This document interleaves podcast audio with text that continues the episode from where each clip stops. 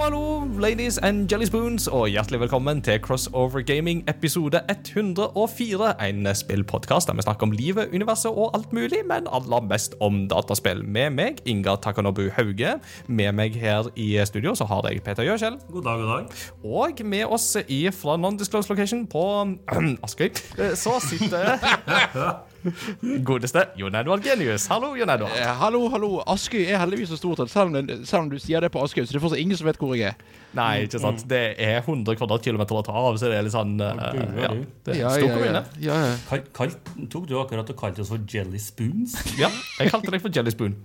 Akkurat som i uh, Akkurat som i The Izzard gjør. Nei, jeg jeg har ikke, jeg har ikke røkket å bli krenka i dag. Jeg ikke Ja, da fikk vi sjekka den, igjen Takk. Nice. Det, Men altså, Triumviratet er samla.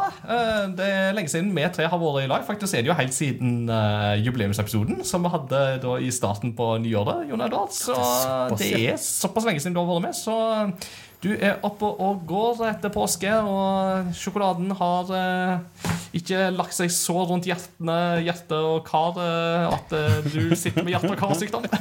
Nei, jeg, jeg har ikke blitt eh, faretruende full av snop. Det har jeg ikke. Jeg har, men altså, jeg kan jo nevne at eh, siden vi snakker om påske og snop, at jeg har funnet mitt favoritt-påskesnop så lenge jeg var vekke fra det norske markedet. Så jeg må bare bruke disse to sekundene til å si takk for at det nå finnes drageegg igjen. Eh, Oh. Så det, jeg har spist meg full på drageegg og sjokolade, men eh, ja, ellers livet har vært eh, travelt, og så har det vært ferier og alt mye rart, rart har skjedd, men det er godt å være tilbake. Skal jeg si. Det, det er veldig morsomt å snakke om at livet har vært travelt, og så har det vært ferie. For at jeg satt og regna på noe i dag. For at um, jeg har satt og spilt på et spill som jeg ikke kan snakke om i denne episoden. Jeg kan snakke om det i neste episode. Men så var det bare sånn uh, På ene sida så følte jeg at jeg hadde jo ikke fått spilt noe denne påsken. Men så satt jeg og regna på det, og så var det sånn Ok, de siste ti dagene så har jeg spilt det spillet der i 40 timer, og det kommer i tillegg til at jeg har vært på kino, og jeg har spilt Overwatch 2, og jeg har spilt ferdig Bjørn Nivål, og jeg har eh, lest bøker, og jeg har vært på påskegudstjenester. Hadde visst gjort litt ting i påsken. Ikke rart jeg er sliten i da er jeg ferdig med segmentet 'Hva har du spilt i det siste?' Det er greit. Ja, neste. Og spilt inn, og spilt inn gjestepodkast med Mm. godeste Espen. Eh, var med og spilte inn en uh, retrospillauke spesial om uh, Wind Waker. Altså Ja. spillet. Så det var jo artig, og den måtte jo redigeres etterpå. Så Ja, så det var visst litt likevel, da. Så ja. Jeg sa til kona i dag at eh, jeg tror jeg er veldig dårlig på å slappe av. Ja, sa hun. Du, det tror jeg jo du er. Ja, så, så det er det. Slappe av kan jeg gjøre når jeg ligger i grava, så det er nok om det. Men du da, Peter. er du oppe og går etter ferie? Du har jo faktisk vært i både Nato, not Nato, Nato, not Nato, for du har vært på grensa mellom Sverige og Finland. Ja da, det er det. Så fort det til finskegrensa, kaste søppel over. Det, nei. Eh, tok og Ja, nei, jeg var, på, var hjem til eh, fa, til familien der. Til sværmor og sværfar. Eh, og det var, altså, det var liksom definisjonen på eh, strøken påske. Altså, ja, mellom null og minus fem grader hele vekka. Ingen vind. Eh, skya, det var et fremmedlegeme på denne kloden. Eh, og én meter snø. Eh, Pluss. Eh, ja. Eh, så det var helt, eh, helt vanvittig. Eh, og ja, tok oss en tur opp til Finland, opp til Levi, og sto i slalåmbakkene der, og det, ja, det, det var bare så strøkent. Så det utrolig eh, kjekt. Veldig mye folk, veldig mye familie, og enda mer svensk, så blir jo sliten, da. Men det var det, Nei, det var veldig bra. Det var det. Det ble ikke så mye gaming, men eh, Sånn, Sånn, så. Yeah, so, so. What, you, what you gonna do? Ja.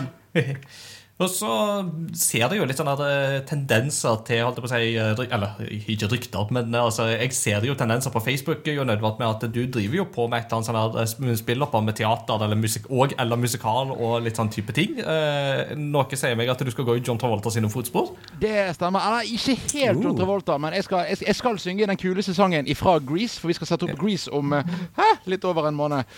Eh, Det gjør det. eh, og jeg, jeg spiller da Knikki, som er da karakteren som synger Grease Lightning. Ja. ja. Så, jeg skal, Oh. så det, det er jo historien er jo at den, i musikalen så er jo det ikke Danny hovedkarakteren som synger Grease Lightning, det er kompisen Knikki. Men så ville da John Travolta synge den sangen, for den sangen er kul. Uh, Ja. ja. Men eh, Ikke sant. ja. Ja, men den, stem, ja, den er kul. Det I, I er got chills. I'm multiplying and I'm losing control. Sier jeg bare til dette her. Så, ja, ja, ja. Så det er, jo da, så det, det øves og det øves, og det har vært ferie, og det har blitt litt glemt å øve. Så litt sånn, litt sånn øving med sånn Jeg har vært på hyttetur med noen venner, blant annet, og to av oss på hytteturen går på musikkteater, og tre av oss gjør ikke. Så de tre har blitt litt sånn ufrivillig publikum og øvingspartnere. Litt sånn danser og sanger. Og, så de kan litt for mye Grease, og eh, ja, så eh, det blir interessant. For de som eh, blir interessert i Grease og i bergensområdet, så kan de få lov å komme og se på i slutten av mai og begynnelsen av juni sånn i Kulturhus. Eh, eh, litt sånn ubetalt reklame. Eh, Eller er den betalt? Hvem vet? Nei da. Så det Nei, det Dagens er anbefaling der. Neste. ja, ja, er. Grease. ja, altså, og nå har vi fått en kuriositet om John Travolta òg, så dette her Ja, er en kort episode. Sånn, da går vi. Snakkes neste okay. på hovedtema. Ja, ja. ja, det skal ikke jeg være med på, så det går fint. Det går. Ja, ja Det er jo bra at du nevner Peter, for at denne episoden blir jo litt eh, utenom eh, det vanlige. For at Normalt så pleier vi jo å ha temadelen sånn eh, på slutten av del én. Mm. Men eh, i dag så skal vi snakke om en film som bare to tredjedeler av oss har sett, nemlig The Super Mario Bros. Movie. Jeg klarte liksom ikke å vente 14 dager. da. Det, det ble for vanskelig. Det. Jeg vet ikke hva. We must be topical. Ja, we, we must be topical. Det var liksom akkurat det. Nå er det liksom Vi må bake den poteten mens han er heit. Eh, Ja. Så da tenkte jeg det at eh, men, men, men da gjør, vi det sånn at eh, temadelen kommer helt på slutten av dagens episode. Og det betyr da at da vil det bli en prat i slutten av episoden om Super Mario Bros.-filmen. Med spoiler og det hele. Men det kommer jo da etter på studiet, sånn at de som ikke vil høre det akkurat nå fordi de ikke har sett filmen, de kan vente med Altså, de kan slutte episoden litt tidligere i dag. Så det blir en liten sånn omstokking på det vanlige, kjente liturgien, som vi pleier å kalle det. Men apropos liturgien, vi har et eh, neste ledd som vi skal videre til.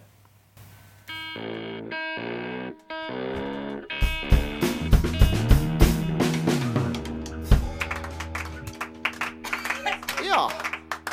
Eh, himmelsk lyd fra ungdommene. Eh, nå er det ukens kunngjøringer. Det stemmer. Kunngjøringene de kommer på fast eh, kjente plass, eh, og da er det på tide å snakke spillnyheter. Og da er det jo litt forskjellig som skjer i løpet av et par-tre ukers tid. Eh, Aller først, vi syns jo det er viktig å ta opp hva skal vi si, viktige og alvorlige saker i spillmiljøet og spill, spillenes verden. Eh, Sette søkelys på tingene og kommentere det og si at sånne ting er ikke greit. Og det er der vi skal i begynnelsen når vi skal rapportere fra Games Developers Conference, som var i fysisk format for første gang på fire år, tror jeg det var, eh, nå i, eh, før påske. Men i kjølvannet av det så var det flere kvinnelige spill... utviklere som meldte om både seksuell trakassering, neddoping og angrep under årets GDC. Ikke vel å merke på messeområdet i seg sjøl, men i forbindelse med ting eh, knytta til eh, Games Developers Conference. Det som er positivt å se i dette, her, det er at de ansvarlige for Games Developers Conference de tok dette på hardeste, rammeste alvor. De var rett på ballen med en gang og var på med både politi og ja, fulgte dette opp ganske tett. Og det var liksom ingen tvil om at dette her det er høyst alvorlig. Sånn skal vi faktisk ikke ha det. Men det er jo en bekymrings, eh, det er jo litt bekymringsverdig, syns jeg, når en på en måte har hatt denne diskusjonen nå i såpass mange år, og du har Activision Blizzard-saken som fortsatt er pågående, og så lærer ikke folk av dette. Virker det jo sånn. Nei, det er liksom det som er så trist, er at liksom vi, har, vi har jo nå på en måte begynt dette veldig med at dette kommer mer opp og fram, og folk får det ut i lyset. og det er, jo, det er jo til og med på en måte blitt gammelt nytt, men så er det så trist at på en måte, det er en del av det som føles som at det ikke endrer seg. Eh, det er på en måte, det er, så er det så vanskelig å Igjen, hva skal man gjøre? Fordi Man selvfølgelig hjelpe de som de ofrene, men hva er det da på en måte å klare å faktisk finne løsningen i forkant av problemet? på en måte, det er, um, det er liksom dessverre noe som skjer igjen og igjen. Og så er det for all del si, Verden rundt vil jeg si på mange måter håndterer det bedre og bedre, på en måte, og hvor de kommer raskere opp i lyset. Og de som kommer fram, får mer hjelp fortere. Eh, virker det i hvert fall som som en mann som ser det fra utsiden. Men det er fortsatt noe med den der ah, Er vi fortsatt her? Skal, er det fortsatt dette som på en måte skal være normen? Eller ikke normen, i hvert fall noe som Det kommer liksom alltid en sånn sak ut, føler jeg, om, om, om det er et spillutvikler, eller om det er filmprodusent, eller hva det er.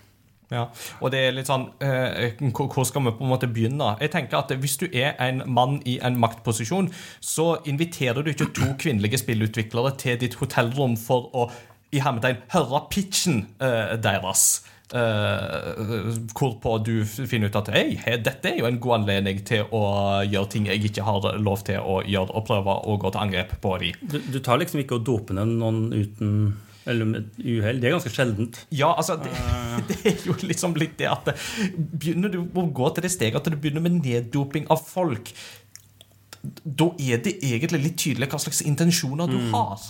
Ja, og til og med på en måte Altså, det er kjempetydelig. Og, måte, det, og det, og det, det er så vanskelig, på en måte, dette er folk med makt, og det er folk ja, jeg, vet, jeg vet ikke, på en måte, jeg bare blir så oppgitt over at dette skjer igjen og igjen og igjen. Og, på en måte, og, og, liksom, og den eneste løsningen som virker, er på en måte at de stakkars ofrene eller de som på en måte står i en situasjon, at de må være superdefensive og være redd for alle rundt seg. på en måte. Og det er jo, det er jo ikke Den ideelle løsningen heller er at de skal være redd hver gang noen inviterer de et sted. Nei. Nei. Og sånn skal det faktisk ikke være. Det skal ikke være sånn at uh, en god porsjon av uh, av ansatte i en sektor eh, skal Eller eh, holdt jeg på å si, bare si halvparten av verdens befolkning for den saks skyld skal gå rundt og være redde i en eller annen sosial situasjon på den måten der. Sånn, sånn skal vi ikke ha det. Punktum. Crossover Gaming does not approve. Nemlig. Da eh, kan vi gå over til litt sånn litt lystigere, men fortsatt eh, ikke bare lystige nyheter. Vi har litt av hvert å by på i dagens sending. Eh, vi kan begynne i den interessante sjiktet. GameCube og Wii-emulatoren Dolphin skal angivelig nå lanseres på Steam i løpet av andre kvartal 2023. Og dette er litt interessant, fordi at Dolphin har vært en stayer på emulatorplatt, eh, altså i emulatorsektoren ganske lenge. Eh, Med tanke på å få GameCube-spill opp til mer HD-type grafikk og den slags eh, type ting. Men det at det faktisk kommer på Steam, er veldig interessant. Det, det, det. Jeg må si det, måte for Dolphin er jo en av de første jeg husker på en måte eh, av Kall det mer moderne konsumemulering som jeg faktisk fikk til. Husker på en måte, altså man, Vi har jo alle på en måte Eller vi har alle angivelig eh, emulert eh, alt fra Gameboy og NAS, Men det er på en måte det å liksom emulere noe som føltes på en måte relativt moderne. For meg så Dolphin på en måte den første jeg husker jeg fikk til på datamaskin, og det var litt stas. Om du så bare fikk fem, fem frames i sekundet, så wow, jeg har GameCube på PC-en.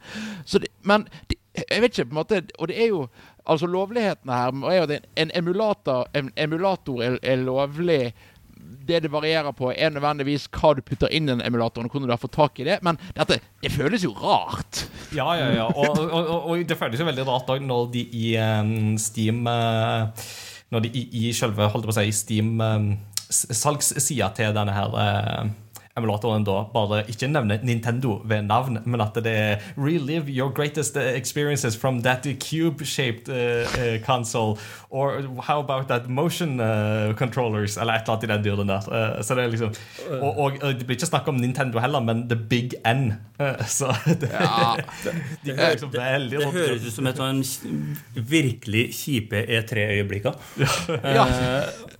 Sånn ordentlig, ordentlig. Ja, så da fikk vi den i år òg likevel, da. Det var jo fint. Yay! Men jeg lurer på eh, Har du, Inga Vet du, Skal denne her på en måte selges? Altså Skal folk betale penger for emulatoren? Det er så tanken, eller? Nei, nei, det tror jeg ikke at det blir. Altså, jeg, jeg, jeg, kan iallfall ikke skjønne at dette er noe de kan ta seg betalt for, for at det er jo igjen, altså det ville overraske meg i så fall tilfelle. Eh, Så jeg tror det bare handler mer om at det, nå blir det på en måte Det blir en tilgjengeliggjøring på en helt annen måte som jo Ja, altså, dette vil jo gjøre eh, brukervennligheten og integrasjonen for eh, ja, bare la oss si For spillere som meg, da, for eksempel, som i utgangspunktet ikke knoter altfor mye med en emulator i det daglige, så kan liksom dette her være på en måte den lille, mm, lille grensa som skal til da, for at jeg faktisk kicker over i og prøver å eksperimentere litt med det. Og det tenker jeg jo er litt gøy. Absolutt. Og så er det òg noe med at uh, Steam betyr nå eh, vil si, i større grad Steam Deck. Og det mm. betyr at på måte, mange kan få med seg f.eks. de som nå venter på Windwaker til Switch og ikke får det, får jo da uh, Windwaker til Steam via, via Dolphin. Så det òg er jo en, en eh, interessant vei hvor nå på en måte i større og større grad så eh, tar liksom fansen over egne hender og gjør det. si, The fans does what Nintendo don't. Ja, Eh, eh, Faktisk. Og, og så igjen, og, og hva, hva blir da på en måte lovligheten rundt dette? Og kommer det plutselig om to måneder og Hei, Dolphin er tatt vekk fra Steam fordi at Nintendo saksøkte Steam fordi at alle brukte det til å emulere? Og liksom eh, Ja, det blir jo interessant å se, for Nintendo er jo ganske hard på dette med rettigheter på spill, samtidig som de har jo ikke helt lovligheten på sin side her. Eller det var Ja. Ja, i, i, bare for å klargjøre altså Emulering i seg sjøl er ikke ulovlig. Samme hvor mye Nintendo måtte mene at det er det. Eh, så emulering i seg sjøl er ikke ulovlig i en sånn forbindelse. Eh, altså La oss si at hvis jeg for eksempel, da laster ned Dolphin på Steam og installere en Windwaker-rom eh, i dette systemet her, så har de lov til det fordi jeg eier Windwaker i to format, til og med. Mm. og da, er, da har jeg egentlig lov, altså lovligheten på min side i dette her. Ja, eh, ja, det måte Problemet der er at det har jo vært mye frem og tilbake. Er at, som du sier, du har egentlig, er egentlig lovligheten på din side. Med tanke, ja, men jeg eier jo spillet. Ja, men den kopien du puttet inn, hvor fikk du den fra? Og Det blir en sånn der vanskelig balansegang hvor La oss være ærlige. De aller, aller fleste som har fått tak i den digitale filen, har ikke rippet sitt eget spill. Men de har jo kjøpt spillet, og så blir det sånn evig sånn her eh, kamp om detaljer. Der går jo lovverket på om du altså, last ned og last opp. For For det har jo vært en forskjell at det, det er vel ikke ulo om jeg ikke ser feil, det er ikke ulovlig å laste ned, men det er ulovlig å laste opp, for det er jo da du, du deler det. Eh, så det, det er jo litt på, går jo antageligvis litt på det òg. Men hvis det kommer på Dolphin, altså, eh, altså Eller hvis Nintendo gir det ut, så må du jo betale sikkert 650 kroner for et spill som kom ut for eh, x antall år siden. Og det, 20 år siden. ja, mm, nettopp. Hashtag Retrospellauget spesial. Ja.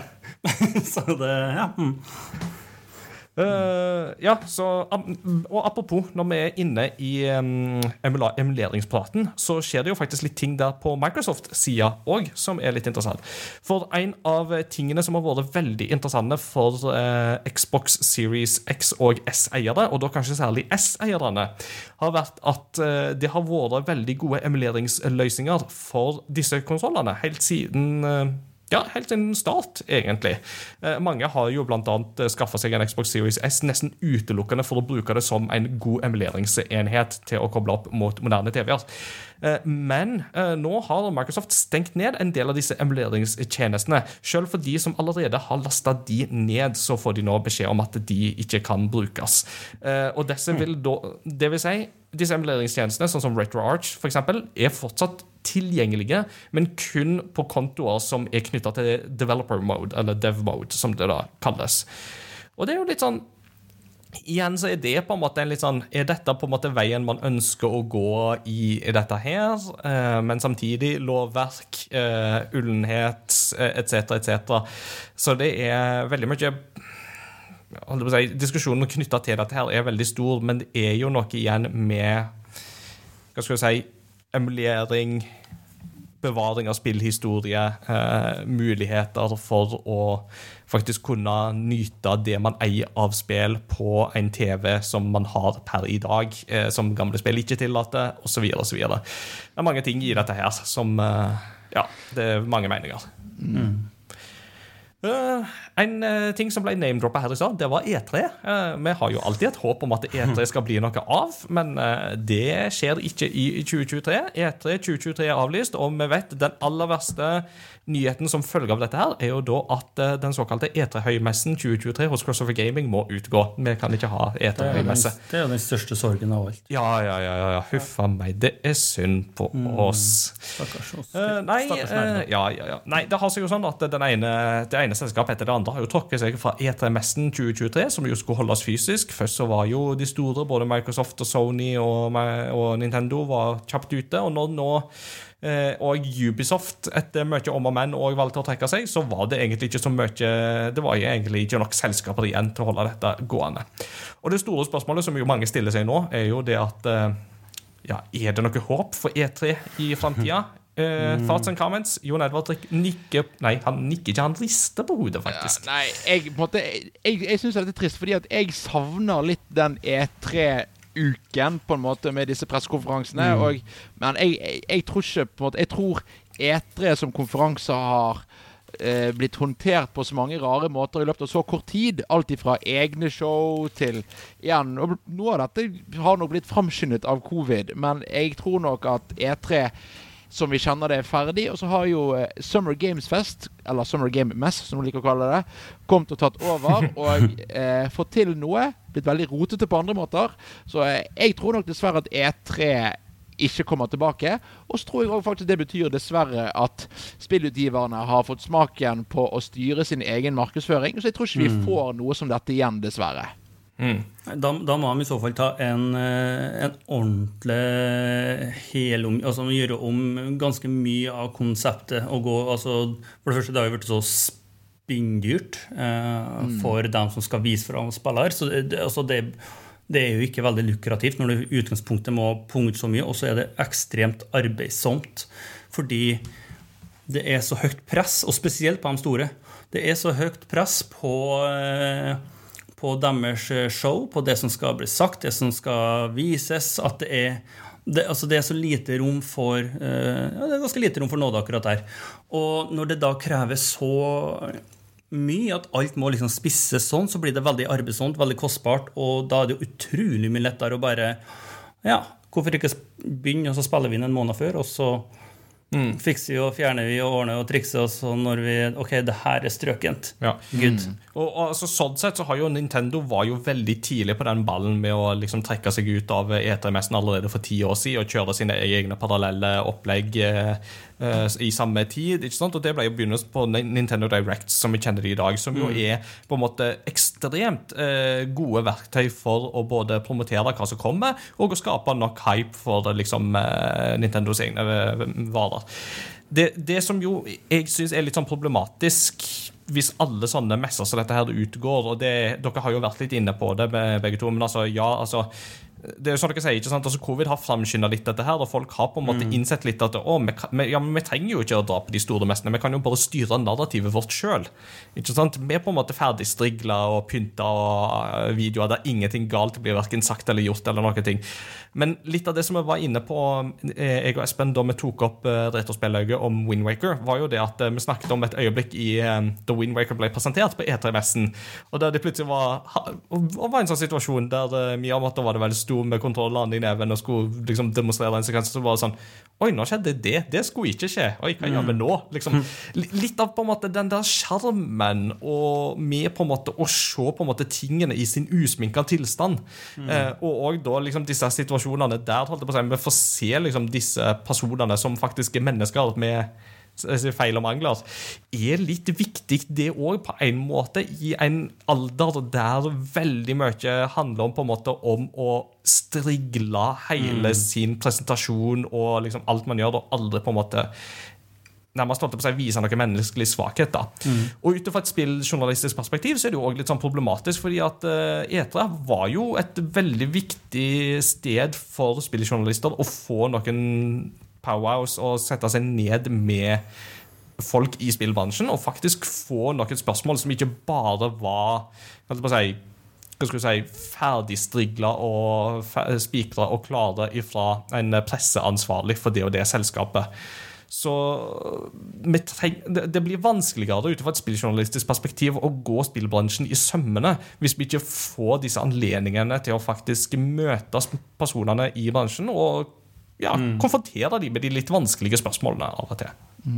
Det skal jo sies at heldigvis det er jo et av de stedene hvor eh, da Jeff Keeley har på en måte tatt opp ballen. fordi at Før E3 før så hadde du jo det som er Judges Week, hvor en haug med spilljournalister fikk reise til E3 og prøve spill i forkant og snakke med, nei, med spillutviklere.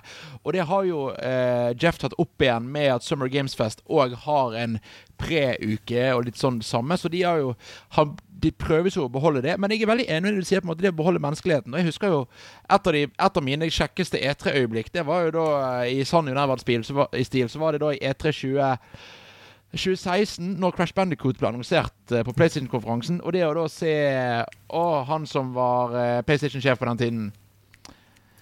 Ikke Jim Ryan, men uh, Nei, var han som før. Ja.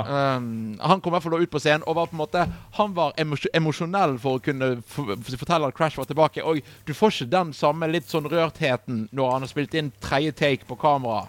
Nei. Nei, og, det, også- ja, og jeg tenker jo ofte tilbake på E3 2017, ikke sant? der du hadde øyeblikk sånn som f.eks.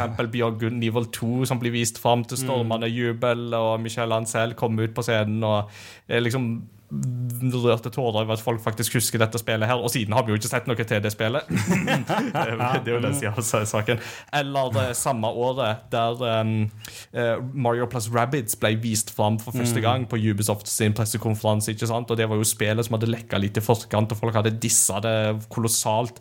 Og så får de se de aksjonene, og da snur jo reaksjonen til stormende jubel, og Miyamoto skryter noe voldsomt av han som er leder for Ubisoft Milan, og du får kamera på han der han bare sitter i salen og bare er helt rørte rørt til tårer sjøl over den positive responsen som får, og de lovordene som får for scenen. Altså, de øyeblikkene der sitter, og de, fordi at de er så ekte. ikke sant? Ja, altså, det er noe av er ektheten i dette her. Uh, Du, og- du, du, du mester nærheten. Det blir en litt sånn, du, du får en mye, sånn, sånn, mye, mye større skille. Også den ordentlige Den euforiske følelsen når alle sammen bare brøler liksom, for det her er sykt. Altså, Ja, altså, du får på- ikke samme følelsen når du sitter i stua og brøler for deg selv. Nei, ikke sant? Altså, vi, vi trenger liksom den der kollektive responsen som oppstår når Final Fantasy 7 Remake endelig blir annonsert. uh, mm. sånn, Nei, vi tuller ikke, nå skjer det faktisk. ikke sant? Og så, de, de, vi trenger jo de øyeblikkene der. Og bare holdt jeg på å si spillbransjens altså, Spillbransjen i likhet med alle andre sektorer trenger noen sånne samlingspunkter. Og jeg, altså, jeg pleier å karakterisere dette som på en måte noen slags sånne ritualer. Altså, Vi trenger noen høytider der vi på en måte går gjennom noen sånne ritualer. Og så kan eventuelt disse ritualene endre seg med tid. Eh, Men vi trenger noen sånne samlingspunkt. eh, Sånn som for eksempel, ikke sant? Altså, Vi trenger den der veka på sommerstid der vi bare kan geeka kolossalt ut, og stakkars spillejournalister må skrive nyheter, så svetten spruter, og tidssonene ikke alltid er på deres side, og den slags, ikke sant? Men, eh, og, og så kan man jo spørre ja, men hvor mye av det husker du i etterkant. Ja, men Det handler ikke om alle detaljene man husker i etterkant, det handler om den totale følelsen. Det er ikke sånn at Jeg husker hver bidige samtale jeg har hatt i en juleferie for fem år siden, men jeg husker at jeg hadde gode minner av å ha feira jul år etter år etter år med de jeg er glad i. Så ja. Ja, jeg skulle bare skyte inn at eh, PlayStation-sjefen heter Sean Laden etter et Ja. kjapt Google-søk. Sånn var det, ja. Ja, riktig. Det, jeg fikk jo lyst til å si Ken Kutaragi, men da må jeg enda legge tilbake. Eller hva sier de, men det er jo Ja, enda legge tilbake, så 599 US dollars. Og et eterøyeblikk som vi ikke må glemme. Nei, det er mye Altså, det finnes så mange memes man kan gå gjennom. Så kanskje David, eh, for- å hylle E3, skal eh, kanskje du sitter og hører på. Gå inn og bare YouTube Best E3 Moments. Du finner Ja. garantert noe som både får deg til å smile på en måte og le på en helt annen måte. Ja. My body is ready, and uh, here we see a giant enemy crab. Ridge Racer! Ridge Racer, remember that? Og mye gull, mye godt å ta tak i. Uh, Så minnene vil iallfall alltid leve videre. 299. You're breathtaking. Yes, ikke minst You're Breathtaking. Det er jo et øyeblikk du i alle fall ikke får Det er i alle fall et øyeblikk du ikke får av en eh, forhåndsstrigla, forhåndsinnspilt pressekonferanse. Det kan jeg garantere. Hva mener du det ikke var planlagt? Konspirasjonsteoretikerne vil nok ha det annerledes, men nei. Vi, vi lever i drømmen, fall. Videre til ting som er knytta til mer konkrete spill. Um, uh, er det noen av dere som husker Multiverses, som jo kom i fjor sommer? Jeg spilte det til og med tre ganger. Oi, oi, oi. Eh, Peter du, du drar litt Tror mer jeg på mer, det. tre, tre ganger mer enn meg. Eh, husker du, Peter, eh, dette her Hva skal du si, en Super Smash-klone der du kunne spille som Batman, Supermann, Scooby-Doo, nei, Shaggy og LeBron Johnson fra Space Jam, av alle ting? Det er iallfall Multiverses. Eh, dette spillet ble jo i utgangspunktet bare lansert i en slags åpen beta eller en early access, eller hva du skal kalle det. Og det som er interessant nå, er at det nå stenger det spillet for å gjøre seg klart til lanseringen av fullversjonen i 2024. Samtidig med dette så innebærer det at spillere som allerede har betalt for ting i spillet, ikke får refundert disse utgiftene de har hatt i Early Access. Men de får ikke mulighet til å spille det før da fullversjonen kommer i 2024. Og det er jo en litt interessant take eh, å gjøre dette her på. Ja, og litt av greia er at vi har, altså Early Access har jo blitt et veldig løst begrep allerede. Altså, hvor lenge var Er er Fortnite fortsatt Early Access, eller er det ferdig nå? Eh, det er vel formelt sett lansert. Altså På dette tidspunktet så tror jeg vi bare må si at det er det. rett og Men det, men det var jo på en måte var jo Early Access ganske lenge etter at det ble ordentlig populært, eller var i beta, eller hva du skal kalle det. Eh, For beta også er jo nå et annet ord for demo, før eh, Og på en måte òg det at et spill lanserer som beta, og, eller, altså, og til og med da med mikrotransaksjoner, det er noe på en måte spillverdenen har blitt vant til. Men det å trekke det igjen, og så Hei, vi kommer tilbake om et år, lykke til. Vi ta, og, og, og takk for pengene dine. Spesielt såpass brått. Og det var, dette var jo ikke noe som var veldig tydelig annonsert i forkant. Nei. Nei. eh, og på en måte Og man kan jo te komme med teorier om at Multiverses Det ble jo fort ganske stille rundt det spillet. Kanskje derfor de sier OK, vi prøver å lansere det på nytt. Eh, så ja, dette mener jeg bare på alle måter er Altså, spillet i seg sjøl, jeg hadde troen på det. Det var veldig gøy. Det brukte mange Eh, de gjorde veldig mye som fansen likte. De brukte Kevin Conroy som Batman. De, de omfavnet memet om Super Shaggy eh, og alt mulig rart. Men dette her eh, vil jeg si er totalt skivebom på alle måter. Absolutt. absolutt Og parallelt med det så kan vi jo snakke om en annen skivebom, nemlig Ark Survival. Eh, For det òg er et skivebom så til de grader, eh, vil iallfall jeg eh, påstå. Eh, Ark Survival Evolved er jo en av disse mer populære survival-spillene. Du vet, Peter, sånn som du er så glad i, og som jeg ikke skjønner bedre av. Eh, Det har vi jo snakka om i en egen episode i fjor. Du har jo ikke tålmodighet for fem flate øre på det der, da. Det, er sant. Jeg må ha mer, mer fast-paced action. Bang, bang, bang. Vet du. Men i hvert fall, um, Ark har jo vært en av de mer populære spillene i denne sjangeren her, og Ark 2 er jo på vei. Ja. Nå Forrige uke så ble det eh, annonsert en nyhet om at Ark 2 kom ikke før i 2024. Eh, Men de skal slippe en remaster av det originale Ark som heter uh, Survival Ascended. Men så kommer det interessante her. For å få denne remasteren så må du kjøpe det separat, selv om du eier Ark Survival Evolved. Og serverne til Ark Survival Evolved stenger parallelt med den lanseringa i august. Så det vil si at hvis du vil fortsette å spille Ark Survival Evolved, et spill som du sikkert har betalt og investert masse timer og alt mulig sånt i, så sier utviklerne at eh, takk for den tida du brukte. Her er en litt forbedra versjon av det samme spillet. Det må du kjøpe på nytt. Og du får ikke, så, og du får ikke Ark 2 med på dette her kjøpet heller, selv om det var snakk om det til å begynne med. Eh, så her har man Det er en definisjon på dårlig stemning. ja, og, og, og her er vi jo i et interessant segment. For at eh, mange har jo snakka litt om Overwatch uh, uh, som ble konvertert til Overwatch 2, enten man ville eller ikke. Og Counter-Strike vil jo gå gjennom noe av den samme prosessen senere i år. Men her er jo den store forskjellen. Det ble gjort gratis. Ja. For de som har- eide Overwatch fra før. Altså, Du kan jo diskutere om det er en lur ting å på en måte avslutte Overwatch 1 til fordel for Overwatch 2, men uansett så gjør de den prosessen gratis. De, altså Activision Blizzard, et selskap som absolutt er glad i penger, sist gang jeg sjekka, tok seg ikke betalt for å gjøre den prosessen. Og tvert imot så var det jo sånn at hadde du faktisk lagt ned mye tid og penger uh, og kjøpt Overwatch 1 in the first place, så fikk du jo litt bonus med det, blant annet med at alle heltene fra det gamle spillet var klare og tilgjengelige fra start i Overwatch 2. Eh, Så jeg vil jo si at eh, Overwatch 2 demonstrerer jo her mer en modell for hvordan du kanskje bør gjøre det, mens Ark eh, Survival Evolved demonstrerer hvordan du kanskje ikke bør gjøre det. tenker jo jeg, da. Jeg er bare så fascinert. Er det ingen liksom, de, som- de som sitter og planlegger og tenker at nei, vent litt, dette kan være dette ikke den lureste måten å gjøre det på?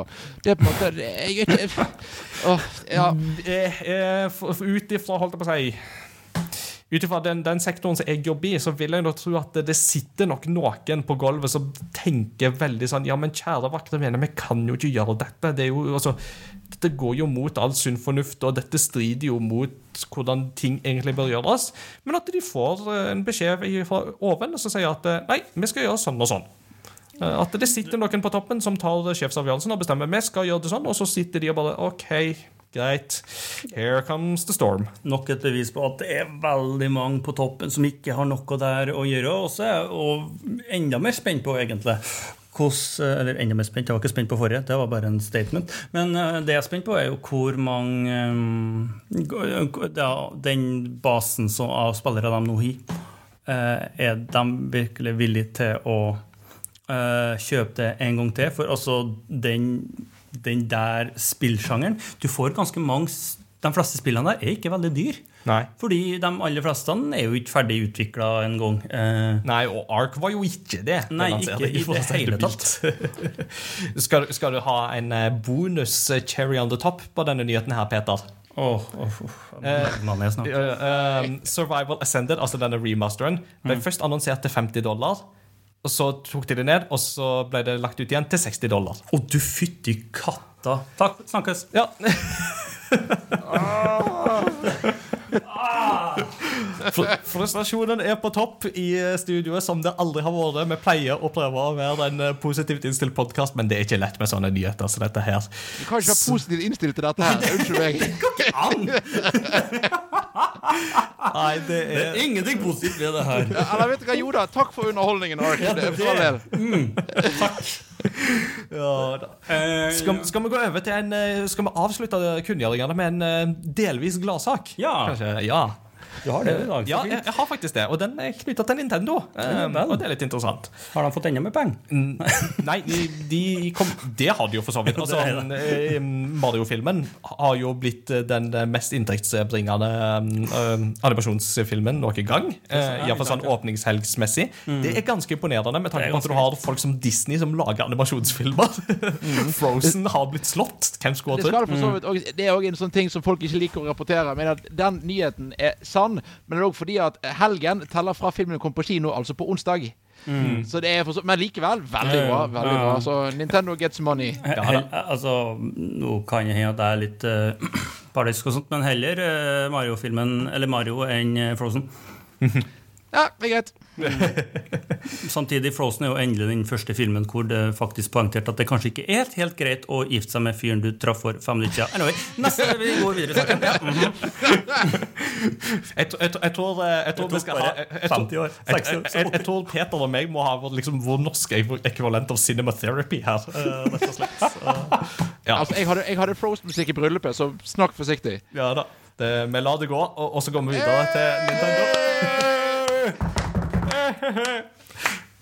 Eh, Nintendo har jo i uh, de siste årene vært i litt hardt vær pga. sine joycons, eh, disse kontrollerne som jo brukes til Nintendo Switch. Og mm, saken der har jo vært at uh, disse stikkene som du jo da bruker til å styre figurene med, har hatt en tendens til å utvikle drifting ganske lett. Som jo da vil si at den registrerer at det er en bevegelse der, selv om det egentlig ikke er det. Eller at en bevegelse blir hengende igjen over lengre tid. Så i denne prosessen her så har det vært ganske mange søksmål, gruppesøksmål, eh, både i USA og i Europa. I Europa så har diverse eh, forbrukerråd og lignende vært eh, på ballen. Blant annet da det norske forbrukerrådet har vært veldig på ballen med å be folk om å sende inn sine rapporter og klager om dette. her. Og nå har EU-kommisjonen vedtatt at Nintendo må ta inn joycons til reparasjon gratis og livet ut. Jon Edvard? Da skal vi bare begynne med en rask test. Hvor mange av oss tre her har joycon som har begynt å drifte? Jeg. Jeg har to sett som begynte å drifte. Ja. Men fortsatt ikke. ja heldig igjen. Men jeg har et par VR-briller som eh, de som kjøpte i Japan. Dem, der var en, den drifta, så den demonterte jeg. Og så- eller blåsrein, og så funker den. Så det, det gikk òg. Men ja. Nintendoen funker. Ja, nice. Imponerende. Ja, så dette er jo noe som har vært et opplest og vedtatt eh, problem eh, hos veldig mange. Eh, og det har vært veldig tydelig at Nintendo her har satsa på en billig byggekvalitet eh, som har gått på bekostning av ja, hva skal du si, varigheten på disse kontrollerne, som jo definitivt ikke har vart så lenge som de burde gjøre. Og det har jo skapt mange problemer, både med på en måte frustrasjon, er jo én ting ved det, men òg dette med at ting må jo sendes inn til reparasjon og lignende, og så har du de som bare gir det opp og kjøper nye underveis, og da blir det jo mye elavfall av dette her. Men EU-kommisjonen har jo da sagt at eh, det går ikke. Denne typen produkter skal vare lenger enn som så, og dette virker da til å være så gjort med viten og vilje at Nintendo faktisk må ta de imot gratis og livet ut. Så har du en joycon som drifter, så kan du nå i all framtid ta den med der du kjøpte den, og så kan du si at eh, den skal fikses. Og det Er det, er må det da så det er, det er kun Europa, så ikke USA? Ja, det er Altså, Jeg vet ikke om USA eller Japan får noe tilsvarende vedtak, men dette er i alle fall det som har blitt rapportert om ja. det norske. da. Og, her har jo det norske Forbrukerrådet har jo vært veldig på ballen her, så det er jo veldig kudos til de for å faktisk ta denne problemstillingen her på alvor. Kult. Med det så har ikke jeg flere kunngjøringer på lager. Er det noen av dere som savner noe? Ikke som jeg kommer på. Det er jeg, har en kunngjøring om at jeg prøver å unngå alle kunngjøringer om uh, Tears of the Kingdom. Ja. Det er min det er, jeg Det ser, er en viktig kunngjøring. Ja. Det- Jeg tenkte på det, fordi det er jo kommet en eh, ny siste trailer for spillet. Og sånn, det, hvis noen lurer på En av grunnene til at de ikke snakker om de trailerne, er fordi at eh, jeg vil ikke ha spoilers. Nei. Mm. Og da nevner vi heller ikke den som var for et par uker siden, som eh, var, var kommet i uh, rom imellom. Men uh, det er mye gull her, og i innspillende tidspunkt så er det under en måned igjen til spillet lanseres. Med det så tar vi nå en eh, pause, og i del to så kommer vi tilbake til lytterpost, hva vi har spilt, og eh, de andre gamle spaltene, før da temadelen kommer helt til slutt.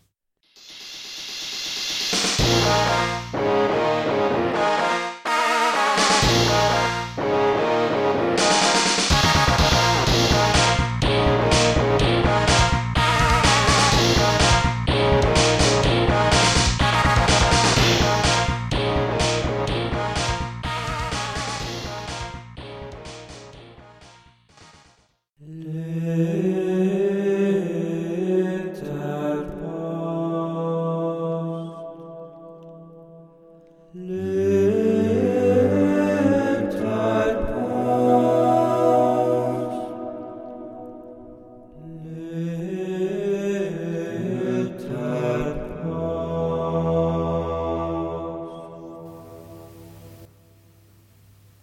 Som vanlig skal vi høre litt ifra våre lyttere som har svart på et spørsmål som vi har stilt de i sosiale medier på type Facebook og Discord. Og hvis du som hører på har lyst å delta i denne samtalen, så kan du gå på crossovergaming.no. Der finner du lenker til våre sosiale medier. Så bli med oss der, du vel. Eh, Det er veldig kjekt å henge med oss der. Det syns jeg var veldig kjekt. I, i vår ydmykhet. I alvor ydmykhet så syns jeg det er kjekt å henge med meg. Det, det, nei, jeg er ikke eh, han eh, Hva er det han heter, da? Han i eh, Harry Potter 2 som er så veldig høy på seg sjøl. Gullmedal, ja. Jeg kom ikke på hva den heter på engelsk, men det derfor bare være. Eh, Denne gangen, i anledning Mario-filmen, som jo har kommet ut nå, og som er blitt en veldig stor suksess, og for så vidt The Last of Us-TV-serien på HBO òg, så har jeg eh, spurt lytterne eh, hva spill vil du gjerne ha en film eller TV-serie av? Og Her har det kommet ganske mange interessante takes. altså. Dette er tydeligvis et eh, tema som engasjerer. Så jeg tenkte jeg skulle lese først fra Facebook. Der har David Almenning skrevet. Både Final Fantasy og The Legend of Zelda kunne godt vært gjort et nytt forsøk på å filmatiseres. De tidligere forsøkene var ganske dårlige, og de begynner å bli lenge siden de ble lagd. Sistnevnte tror jeg det er stor sannsynlighet for at det blir den neste i rekka av filmer fra Nintendo-universet. Eventuelt blir det sikkert Donkey Kong, som òg sikkert kan bli bra. Ja, øh, jeg, jeg liker den taken der, da, så, og særlig Zelda har jo ikke en god track record på uh, animasjonsfilmfronten. Unnskyld meg, prinsesse. Or, det synes jeg synes er vanskelig, fordi at Zelda Altså, Link skal jo ikke snakke. Eh, Unnskyld. Det, det, det, så det blir jo sånn der eh, altså for, Ja, vi kommer til å få en Zelda-film på et eller annet tidspunkt, men hvordan gjør de det? Og blir liksom Blir han en eh, klassisk helt, eller gjør de noe greier? det stedet? Jeg, jeg, jeg er spent. Ja, jeg, jeg kunne gjerne hatt noe sånn som i denne her, en av disse YouTube-videoene med link som går i butikken og så bare Hello, welcome to the Kakiri shop. How can I help you? Ha! Uh, can you repeat that, please? Ha! I'm sorry, what? Ha! Ha! Ja! That is a heavy accent you got there. Hvis vi får en hel film, to timer sånn som det, da skal jeg være fornøyd. Camelose. Ja. Vi forstår den like. Har eh, du funnet en lytter, Peter, som du vil lese svaret til? Ja, Tenkte å starte med Benja. Ja. Der, uh, et par ting jeg kjente meg igjen i. Så det, eh, jeg har spilt Ratchet Clank på PS4. Det var gøy. Det burde vi lage det burde de lage film av, sier Benjo, og later som han ikke vet at det spillet er basert på filmen med nesten samme navn, som igjen er basert på PS2-spillet med samme navn. Ja, nei. Så var det jo Assassin's Creed-serien, da. Synd den aldri fikk noen film. Eller uh, mm, Ja. Mm. Men seriøst, her kunne de gjort, jo gjort noe som The Last of Us har gjort. Eller fulgt historien om Desmond Miles som foregår i spillene. Potensielt hadde det kanskje fungert bedre med en serie her også, siden det er såpass mye historie å dekke. The We don't talk about that movie. No, no, no. Nei, det er liksom Det er enkelte ting som liksom lurer på sånn, Man hører rykter, men jeg er ikke helt sikker. Assassin's Creed-filmen, Die Hard Faen Nei. Poli Police Academy 7, Ja, nei, det, nei. Indiana Jones 4 Det, det er et par sånn høl her i verden som ikke bare Ja, det er en glitch i Glitch in the Matrix 3. Matrixen Ja. Så nei, det er mye. Mye vi helst kan få et nytt forsøk på, ja. Absolutt. Absolutt. Jeg kan eh, ta Christian Kumlesopp, som skriver eh, Gi meg en animert TV-serie basert på Metroid. Enten i anime-stil eller noe mer lignende stil i Arcane. Det er masse historie i mangaen, eh, og spillet som er tipp topp til et sånt medium. Så lenge de ignorerer Other M. Ja, det, jeg, jeg nikker 100% anerkjennende til alt dette her. Og han er jo veldig innom et godt eksempel der. Arcane har Ja, jo gjort det, det- veldig bra og har satt veldig standard for hvordan ting kan gjøres med å lage en god eh, en god adopsjon til TV basert på et spill uten at folk må være avhengig av å ha spilt spillet i veldig stor grad. Pluss at altså, animasjonene, manuset, er jo Altså, det er så strøkent ordna. Top notch. Eh, det er kampscenen mellom eh, hun Glitch, og det, det, Jinx, mener? Jinx, mener jeg. Yeah. Og en barndomsvenn der, hvordan du driver og hopper mellom barndomsleik og Altså, det, det er så mesterliggjort, det. Ja. Fytti for en serie. Utsøkt, rett og slett. Ja. Um, Sion 17 uh, har skrevet på oss Jeg lurte på hva som skjedde med de første Sion 16-ene. Men eh, What happened to those science, I wonder?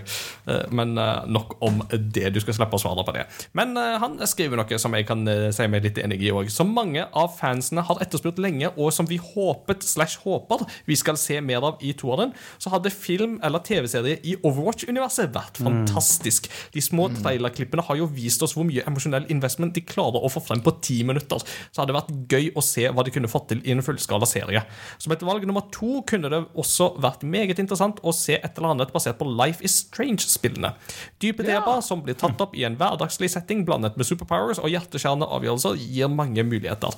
Enten om man igjen forteller spillene, eller lager noe helt nytt. Eh, og særlig det med Overwatch. tenker Ja. jeg, altså, Det er jo et univers som for meg skriker etter å få Arcane-behandlinger. Og altså Blizzard altså Folk har jo snakka om helt siden liksom Warcraft-dagene at det er det jo noe Blizzard er kjempegode på. Så er det jo disse animerte sekvensene sine, og der har det jo vært mestre.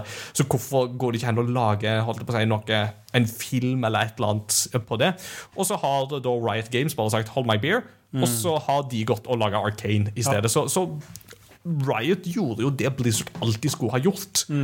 Og nå tenker jeg jo at eh, sånn som Overwatch er jo definitivt en kandidat for eh, dette, men òg for så vidt Starcraft hadde vært veldig veldig gøy å få i det formatet der. Ja.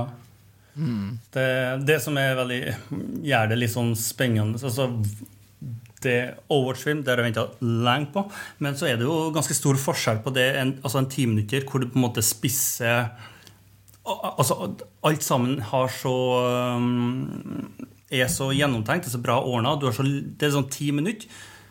Og så er liksom, Du treffer så ekstremt godt, så du klarer liksom, og de treffer veldig godt hele følelsesregisteret. Og det får du veldig greit til innenfor ti minutter. En og en halv time, da skal du jo opp, og så skal du jo ned igjen, og så skal du bygge opp, ned, og så skal du liksom kulminere borti en ende her. Og det er en ganske annerledes sak enn en timinutters magisk eh, robot som går nedover planen her. Ja, og så er det noe med det på en måte med å klare å i en film å gi kontekst. For der, der må du på en måte gi litt kontekst til de som faktisk bare ser filmen. på en måte. Ok, nå har jeg ti minutter. Dette er for spillfansen. Så det er jo alltid et spørsmål om Ok, hvor mye, Skal dette være en en og en halv time cutscene på de som kjenner spillet, eller skal det være for alle? Hvor mye Skal det være in universe? Er det reboot? Endre? Og så videre frem og tilbake. Så det er jo Det blir jo alltid en utfordring med disse her. Er, er på en måte Hvor mye kan man endre for å sørge for at det blir Eller prøve å lage en god film, kontra hvor mye skal det være tro til spillet?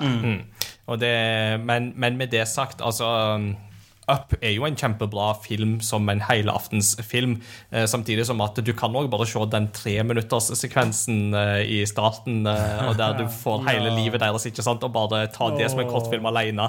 Så altså, Pixar viser at du kan både lage en god kortfilm og en god langfilm i én og samme snutt. Og, Absolutt, så, så, så de kan få det til. Eh, eh, Up får til på tre minutter, det Twilight ikke får til på fem filmer.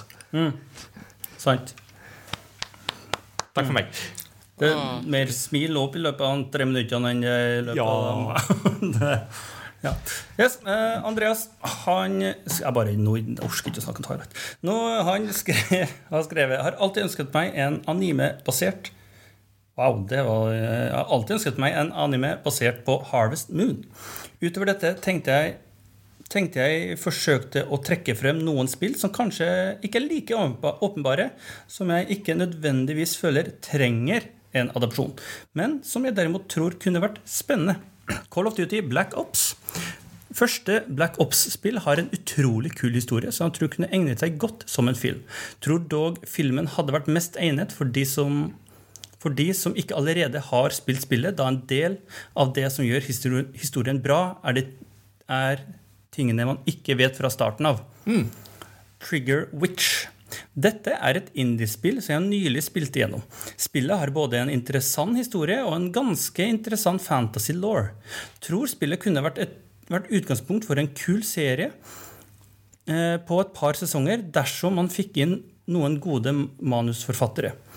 Personlig tror jeg det ville vært kult med litt mørk live action-tolkning av historien, til tross for den fargerike grafiske stilen i spillet. Alternativt kunne det også fungert bra med en animert serie tettere på spillets grafiske stil.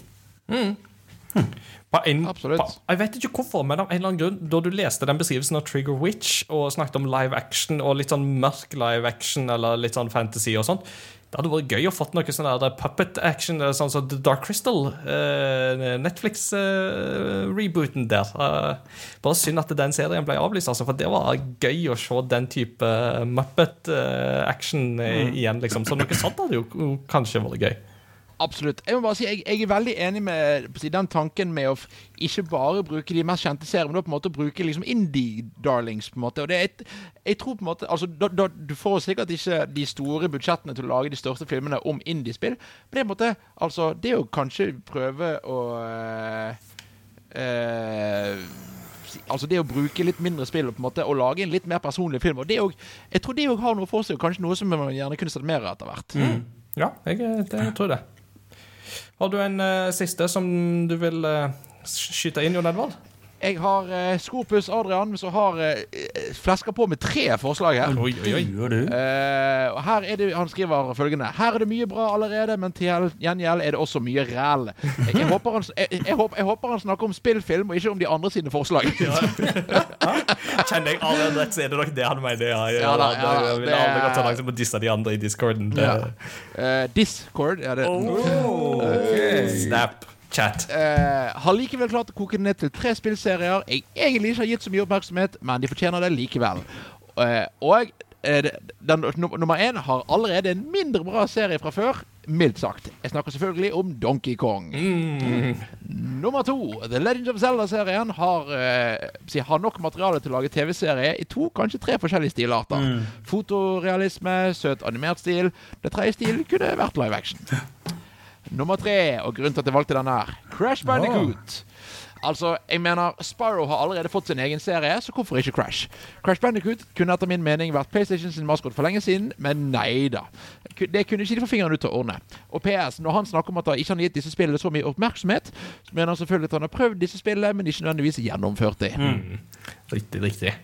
Det, det skal jo nevnes i den forbindelse der at um, altså Adrian har jo vært med oss i høst og snakka om Resident Evil, som jo er en serie han er glad i. Og det er jo en serie som har blitt filmatisert opp og i mente med både live action-filmer og TV-serier og animerte mm. filmer og serier. Og nå så jeg at det kom en ny animert eh, film eh, basert på Resident Evil-universet, som jo samler så å si hele hovedkastet.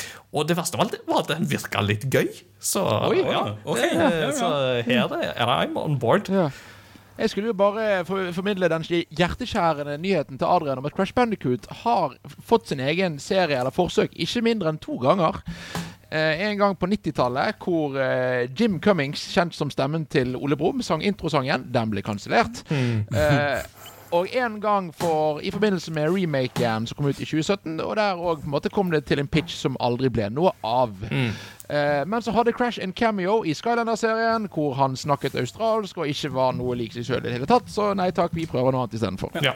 Det høres egentlig ut som at Crash Bandicoot utmerker seg som en veldig god kandidat eh, i dette sjiktet her, tenker jeg. Oh yes.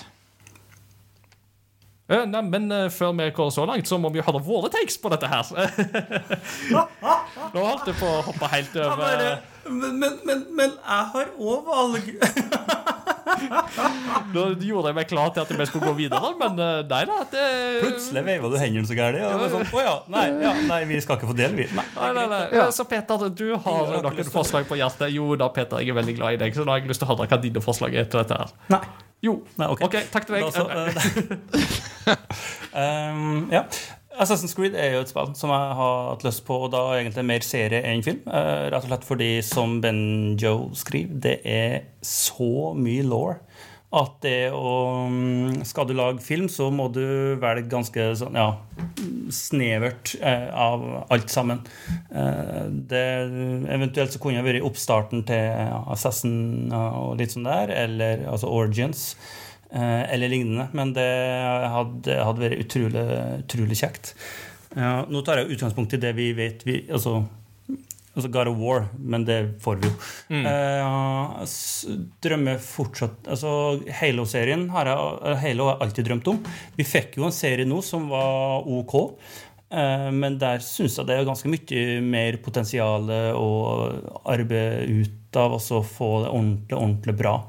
Um, og det jeg likte, likt på en måte historien, eller hvordan de med at Eller ja, Master Chief møtte Cortana.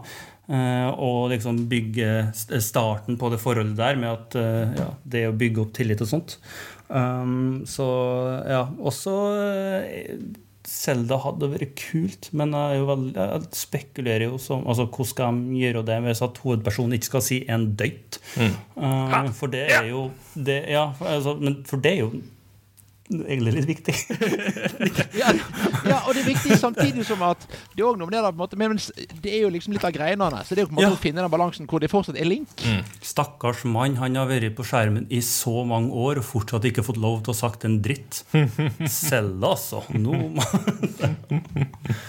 Ja, nei, Ja. altså mm. Jon Edvard, hva med deg? Ja, altså Nå er jeg jo redd for å begynne å høres ut som parodiversjonen av meg sjøl, men jeg skal begynne med å si Kingdom Hearts. Den så jeg Men altså, den på en måte serie Altså igjen, for jeg husker, Vi har jo hatt flere sånne serier i Disney-verden hvor, som samler forskjellige Disney-karakterer. Og det å ha det, men i en eventyrformat, hvor én episode er at de går gjennom Tarzan-verden, og en er gjennom Stitch-verden, og det, det, det tror jeg på en måte kunne hatt noe for seg. Eh, så det Og det òg prøvde de på en gang, men ble kansellert. Så eh, Det er ikke så rart at du må ha 32 sesonger for at folk skal skjønne hva som skjer. Det er, Eller hvis du snur på det, tenk å få Kingdom Hearts ikke produsert av gjengen i Square Enix, men som Disney kanskje kan gjøre litt ordentlig. ja, ja, men da Da er vi på banen. Da begynner vi å det. snakke. det, det, dette, dette ser ikke dere lytter. Bare så fjesene på begge to bare endrer seg til Å ja, det var jo kanskje ikke slutt. Kingdom Hearts-serie produsert av noen andre enn Tetsuya Nomura. Da er jeg lett med.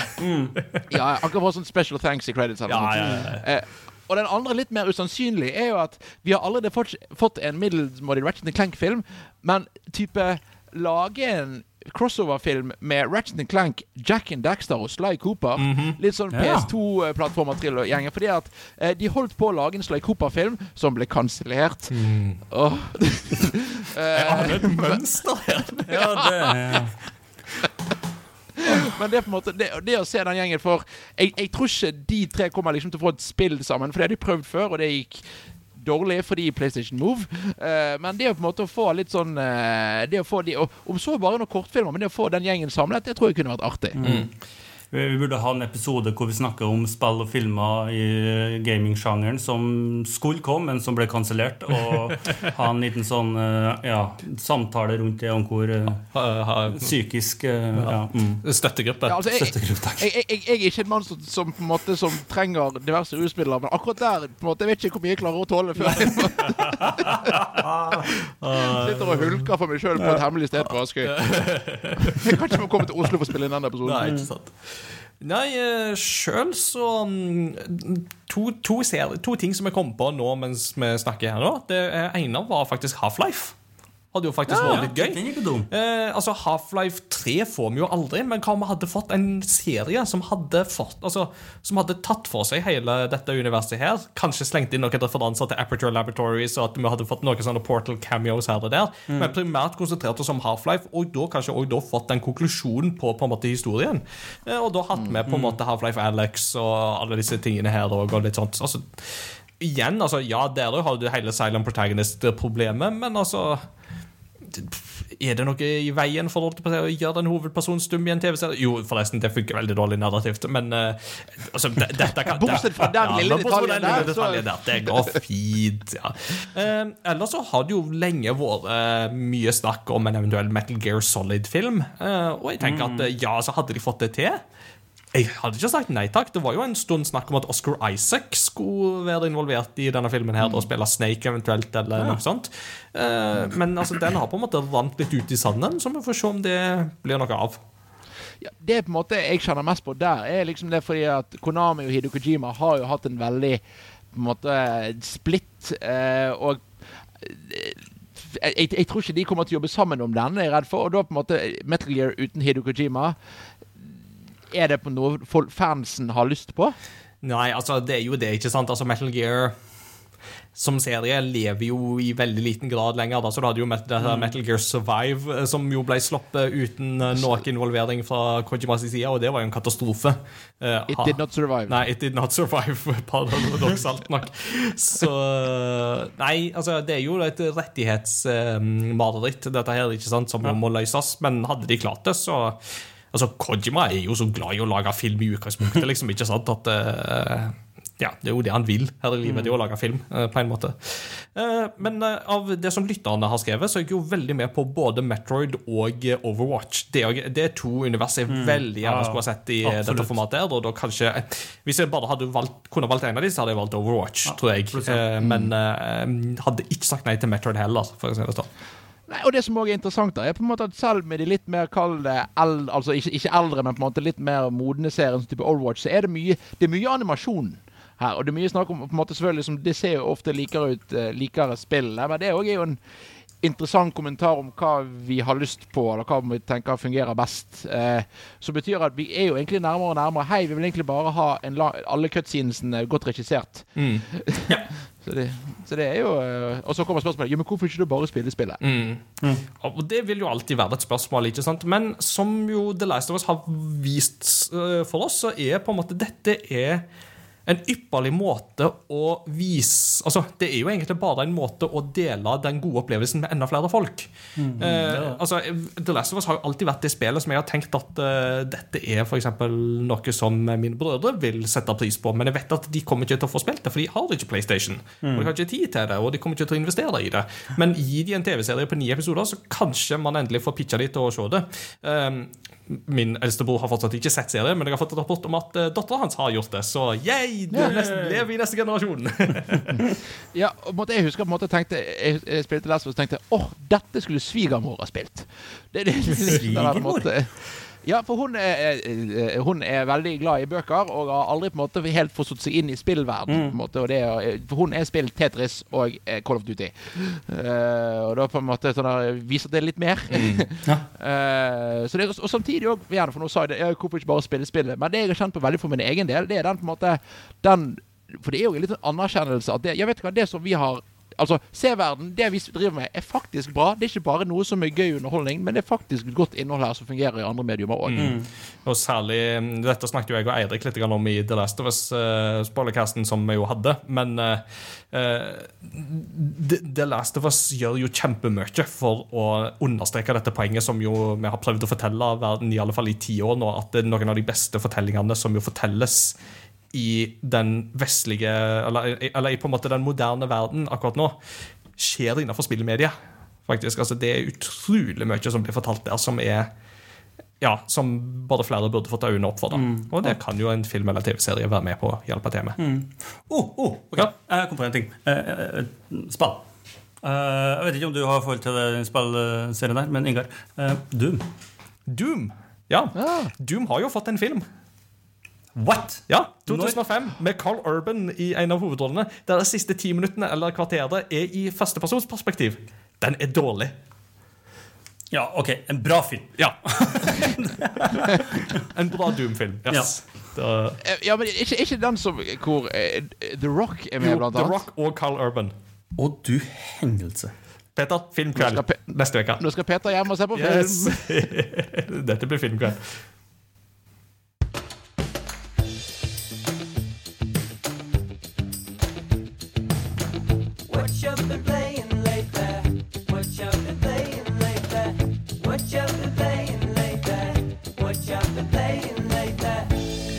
Mens Peter eh, graver så det suser etter på Google om Doom-filmen fra 2005, så kan eh, Jon Edvard eh, kanskje fortelle litt hva han har spilt i det siste. For nå er det jo lenge siden vi har hørt fra deg her. Så Du, Du, du glemte å nevne den fra 2019. ah, OK, da, greit. Det var visst en film, det òg, da. Men det er greit. Men da har vi iallfall to filmer som du kan kose deg med. Jeg vet ikke om jeg er glad eller ikke. Men ja, Jon Edvard, hva har du spilt i det siste? Yes, jeg har jo litt og uh, mye både ferie og eh, andre på en måte, tider til å spille, og litt sånn anmeldelser for TikTok-konto og litt her og der. Men jeg eh, ville begynne med noe som uh, jeg vet vi alle tre på en måte har touchet på en eller annen måte. Hogwarts Legacy. Yes, har spilt det. Spilte det veldig mye når det kom ut. Koste meg. Eh, så eh, endte jeg opp med å Vinterferien var ferdig, livet ble fullt, og så har jeg ikke spilt det siden, og det gjør meg veldig lei meg. Eh, men jeg må bare si at wow, for et gøy spill! Ja.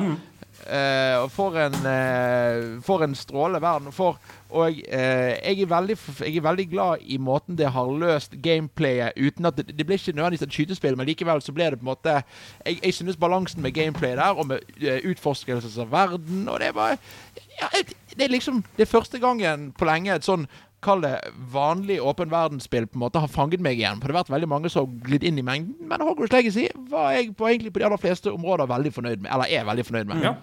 Ja, men det, er- det høres jo ut som jeg er veldig på lik linje eh, der, altså. Jeg og Peter har jo snakka i hæl om eh, dette spillet her, så vi skal ikke Jeg er jo på å klikke nå, da. Ja, fordi du finner ikke den ene tingen. Jo, jeg, altså, øh, jeg vil jo fullføre ting, så jeg mangler én achievement. Eller jeg har, ikke, jeg har fortsatt ikke funnet rommet med de tre andre, men det går jo fort. Eh, Men jeg mangler én achievement, og det er liksom å få tak i alle de forskjellige samleobjektene. Ja. Jeg har funnet alle samleobjektene.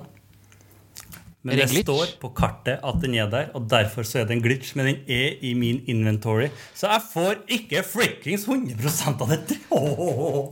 Så nå har jeg for første gang jeg har gått inn på liksom, og, og, og klaga til liksom, de som har lagd spillet, om å liksom, fikse den glitchen. Det er ganske mange som har akkurat den der. Og, Så så, så jeg håper jo at det kommer snart. Så du la egentlig bare inn en videolenke til de, og så bare sånn her, fiks dette, eller så, og så klikker de på videolenken. Ja. Mm. Så det Ja. Så det, det Jeg er liksom ferdig, men jeg er ikke ferdig. Ja. Stakkars Peter. Ja. Ja, ja. Men bortsett fra det, så Ja, det er veldig, veldig kjekt. Ja, veldig, veldig, veldig gøy. Eh, videre så har jeg hatt uh, ferie, og ferie med venner betyr fort uh, Mario Kart og Mario Party. Ikke, ikke så veldig mye nytt å si om de, annet enn at det var liksom det var gøy å gå og se Mario-filmen, og så gå hjem og spille Mario, Mario Kart. Eh, og eh, jeg har jo en litt unik jobb hvor jeg noen ganger eh, produserer arrangementer for barn på kjøpesenter, og der har vi faktisk brukt eh, Mario Kart live på kjøpesenter. Ja, yeah. den er gøy. Eh, og da Mario Kart Live som da i disse bilene du kunne kjøpe og kjøre rundt med switchen og se på en måte kamera og eh, radiostyrte biler og sånn. Og det endte jeg opp med å ta med meg hjem og spille litt hjemme i påskeferien. Og det er jo sånn Husker noen Mario Kart Live? Eh, Det kom, det gikk, men gøy gimmick, og det fungerer overraskende bra. Jeg tror, for jeg tror liksom det er det som er greia da det ble lansert. ikke sant? At det ble lansert som altså, Ja, det er gøy, og det er en gøy gimmick. Og så er det kanskje ikke nødvendigvis veldig mye mer enn det der, men som du sier, for sånne arrangement som det der, så er det jo egentlig helt perfekt. Jeg har jo sett um, Spilldal brukte det samme i Fredrikstad, på Fredrikstad kino, så Det er veldig gøy. veldig gøy Uh, Videre, jeg har spilt Jeg ser da du, Ingar, og har spilt Kirby's Return to Dreamland Deluxe. Ja, jeg har begynt på det, i alle fall. Jeg er vel eh, Ja. Jeg er ikke kommet så veldig langt, men jeg har begynt på det, ja. Så du kan jo Ja, fortelle litt hva har- du tenker. Ja, altså, jeg, måte, jeg, trenger, jeg skal ikke snakke så mye om det, for jeg har tykket godt igjennom det. Men uh, mitt problem er at ja, dette er et Kirby-spill. Dette er sånn som Kirby-spill pleier å være. Det er veldig mye fanservice. Det er veldig bra. Litt for kjedelig for min smak. Jeg er litt enig der, altså. Men men jeg, det jeg vil lure på der, eh, er Har du stort sett spilt det alene? Eh, jeg har gjort begge deler. OK, for du har gjort begge deler. Du for dette er jo et spill som er, For meg i alle fall, så legger jo dette spillet veldig opp til at du skal spille det sammen med andre. Ja, og jeg har jo spilt dette igjen, var på hyttetur og hadde da med meg da, dette blant annet, og spilte Og så er det sånn at kvaliteten er der definitivt. Men når det, når det allerede er ganske simpelt, så enplayer så de, de får ikke til den Mario-magien med at på måte, det, det kaoset blir bare at alt blir altfor enkelt, egentlig. Ja. Eller på en måte, og det er på en måte du, du, du får ikke den samme sånn gøye multiplayer-opplevelsen. Det blir mer sånn her Å ja, å ja, du gjorde det. Å ja, å ja, du gjorde det. Å ja, OK, jeg, kan ikke, ok, jeg får bare løpe etter de andre. Jeg, på en måte, det, blir, det blir kaos uten det samme. Så Kirby's Return to Dreamland Deluxe. Har du forhold til Kirby og vil ha mer Kirby, kjør på. Men det er liksom Kjente på at ja, dette Det er ikke dårlig, for det er bra. Ja. Men det bare, det bare, det bare, bare mista Ja, meg. og, og litt av det som jeg kjenner på, i alle fall, når jeg ikke kommer lenger enn til tredje verden, og sånt, men litt av problemet mitt er det at jeg kommer altså Når jeg skal tenke tilbake på dette spillet, så kommer jeg ikke til å huske en eneste verden fra dette spillet, fordi at alle banene er relativt eh, generiske og veldig like det du har vært borti tidligere. Mm. I motsetning da til f.eks. 3DS-spillet Kirby Planet Robobot, som har veldig mye kreativitet og egenart og den slags, og som har veldig mange sånne sekvenser som vi på en måte husker i mye større grad. Mm. Så det er nok mer det at dette er på en måte det spillet eh, som prøver å ta litt av den der New Super Mario Bros. Rayman Origins-kaka med liksom å tilby eh, plattforming opp til fire spillere, og, og noen minigames inni dette her. Altså, de, der har jeg jo skjønt at det er mye å hente. Og, og så er det jo litt eh, i forhold til dette her som kommer på slutten, som er nytt for dette spillet her òg, som jeg har skjønt skal være litt eh, interessant. Så jeg kommer jo til å spille gjennom det. Men som du sier, at jeg er litt der at dette er ikke et dårlig spill under noen omstendighet. Det bare klarer ikke å på en måte skille seg fra mengden av andre gode plattformspill.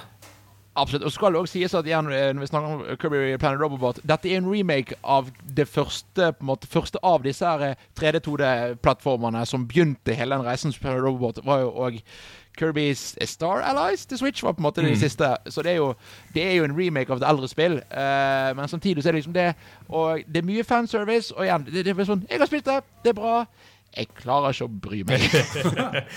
dessverre. Nei, og særlig også da stilt imot eh, Kirby and the Forgotten Land i fjor, Ja. som jo var et magisk spill. Altså, det var jo det, det var jo i alle fall et spill som videreutvikla Kirby-formelen. Men altså, igjen, altså, dette er en ny versjon av et Wii-spill fra 2011, så en må på en måte gi det litt slack her, eh, tenker jeg jo, på sett og vis. Og men for all del, altså, dette er et spill som passer veldig bra om du har noen yngre, eh, tenker jeg, i heimen som du har lyst til å spille litt i sammen med. Så tror jeg at dette her vil være en veldig god match. Ja, sånn sett. Definitivt. Eh, og det siste spillet som jeg holder på å spille gjennom, eh, for, eh, som jeg skal eh, lage en liten TikTok-video på etter hvert, det er Bayonetta Origins, Cerasa and the Lost Demon. Ja, det har jeg eh, liggende, og har ikke dere begynt på. Og det er jo da et eh, Origin-spill om da Bayonetta. Eh, aldri spilt Bionetta-spillet, men dette spillet interesserte meg. Ja, jeg vet. Unnskyld, unnskyld, unnskyld, Inger. Un unnskyld. Uh, men, og det er da uh, en Eller unnskyld meg, spillet handler om Cereza. Gjett hvem det er.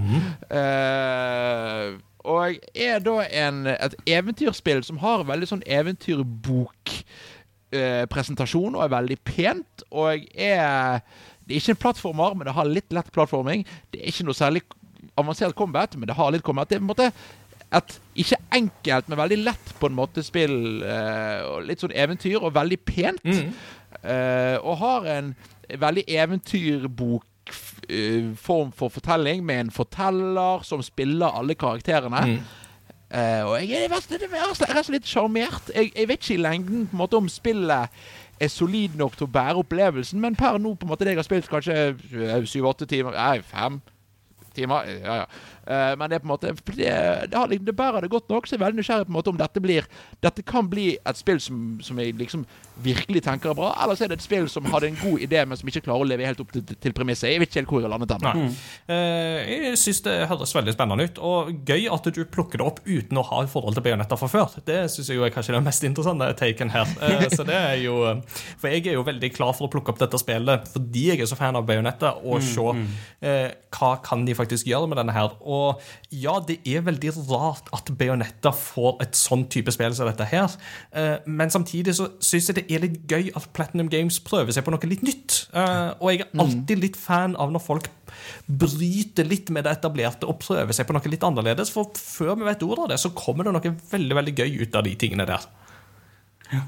Absolutt. Ja. Eh, hvis du ikke hadde mer på bordet da, så tenker jeg at Peter eh, kan få slippe til. Eh, du Kan sa at det ikke ble så mye. kan rase gjennom lista mi med ting som jeg har spilt før. Ja. Og snakka om før. Hogwarts Legacy. Jeg sysla litt med det og prøvde å ja, gjort ferdig det siste. Det jeg kunne gjøre ferdig av det siste. Anyway. Uh, LOL har jeg jo tatt opp uh, siden sist. Ja. Uh, ganske, det har vært en del òg. Spilt mye med Andreas. Andreas. Som en ypperlig support, og hadde jo en eksepsjonelt god runde i går kveld. så det var jo det, Ja, og det er eh, veldig kjekt. Så når jeg sa til min roommate for ti år siden at nei, jeg tør ikke å spille LOL, for jeg blir avhengig, så ti år senere så stemte det. Eh, ja da. Ja, jeg sånn er ser deg aldri i Overwatch-kanalen lenger, Peter. Nei, sorry. Det, det, det ble litt sånn Ja. Men eh, plutselig, plutselig på Overwatch nå. Ja. Så det er ja. Mario Kart eh, spilte jeg med eh, onkelungene oppe i Nord-Sverige. De er jo eh, ja, veldig fornøyd med at jeg kom inn i familien, som tok med både VR-glassøyne og eh, Nintendos eh, Switch. Eh, så det, eh, de drev og ramsa opp eh, hvem i familien de var tak, hva de var takknemlige for overfor de forskjellige Altså, eh, altså mor, farmora hun lagde god mat, og mamma hun var snill, og pappa gjorde det, og Annika tok Peter inn i familien, og eh, Så det var liksom Ja. så, og hun, hun, ikke, hun føler jeg har stjålet dem. eh, og As it should be. ja, jeg kan liksom ikke klandre henne heller, da, for det, det, er jo meg de snakker om, da, så det er veldig stas. Og, men nå, nå, nå snakker vi om to unger som begge to hadde et års godtestopp for å få råd til å kjøpe hver sin Nintendo etter at jeg kom inn i familien, så jeg fører til sunne kids. Og, og det der, det de har gjort der, det kommer til å sitte med de resten av livet. For Ja, altså- det er en konsoll som de har erverva seg gjennom hardt arbeid. Ja, altså, altså vi snakker om, altså Han ene han, han, var han begynte da han var typ fem år. Ja. Et år som femåring og ikke spise godteri, det er så lenge! Altså, det er jo 20 av livet, det. ja, Det er jo det. Så det, nei, det var utrolig imponerende. Og så um, har vi akkurat kjøpt eh, nye eh, VR-glassøyne til eh, Oculus Quest når jeg var i Japan. Eh, så nå har jeg drevet og satt opp dem. Så i dag så tok jeg opp Beat Saber, og det, det har ikke jeg spilt på månedsvis. Og da tok vi Crab Rave. Og på hard eh, Jeg fikk S. Første gjennomspilling Oi. på månedsvis. Og det var sånn, ja, ja men det var trivelig. Det Bomma ikke på én. Så det, det var fløy det. Du sier Crab Rave, og det imaget som dukker opp i hodet mitt, det er Crab People fra South Park. Og det er noe helt annet. Ikke det. Ding, ding, ding, ding, ding, ding, ding, ding. Ja. Så det, det var meg. Ja, nei, men så gøy. Uh, VR-glassøyne må jo være dagens nyord uh, for min del. Altså, det er Svensk er et gøy, gøy språk. Kul språk. Kul. Det, kul, var kul. det, mamma kan jo dra til, til Ja, da. For der er Peter og Annika, og der kan vi spille med VR-glassøyne. Ja. ja eh, Kirby's eh, Return to Dreamland uh, trenger jo ikke snakke så mye mer om, for jeg har jo allerede sagt litt om det. eh, Men jeg kommer jo til å fortsette å spille det videre til neste gang. Eh, og så Det jeg har brukt mest tid på, det kan jeg ikke snakke om nå, det, for det har jeg en deadline-sperrefrist på, så det blir mer i neste episode. Eh, men uh, i retrospillauget så er vi nå ferdige med å spille Beyond Good and Evil, som jeg da har spilt på Nintendo GameCube. Og det har vært en gøy opplevelse, syns jeg. Mm. Det er, dette har vært en veldig interessant opplevelse i retrospillauget, for du har hatt folk som bare ikke har klart å få dette til. Du har hatt folk som har mista lagringsfil underveis, og du har folk som syns dette var så gøy at de bare fullførte det med en gang de hadde begynt på det, og 100 av det. Uh, Det er artig at du har så stort uh, det er et veldig stort sprik her, for å si det mildt. Nå er det de som vi mista fila. Unnskyld, da, men wow. Ja, så, så, så, så spennet her er veldig stort, og det er litt sånn Og det er jo litt sånn gøy, for dette er et sånt spill som jeg alltid har hatt litt sånn inntrykk av at dette er enten et spill du faller veldig for, fordi det er veldig annerledes og veldig eh, holdt på å si, særegent, eller så klarer du bare ikke å henge opp med på det, for det er et sånn action-eventyrspill som plukker mye ifra type spill som Ratchet and Clank eller Zelda eller lignende, og ikke helt har den samme polishen. Ja. Eh, og, og jeg forstår begge deler, eh, på en måte, men jeg er nok mer i den båsen der at jeg syns dette er et veldig fascinerende spill, annet pga. setting og eh, rollefigurer og eh, den slags. Så jeg skal ikke si så mye om det akkurat nå. Det blir en egen Retrospellauge-episode om det, naturligvis. Mm. Så ja. Men jeg snakket jo sist gang litt grann om eh, Resident Evil 4, som jeg også har spilt. Men da ikke remaken, men eh, den originale utgaven av spillet i sin Wii Edition fra 2007.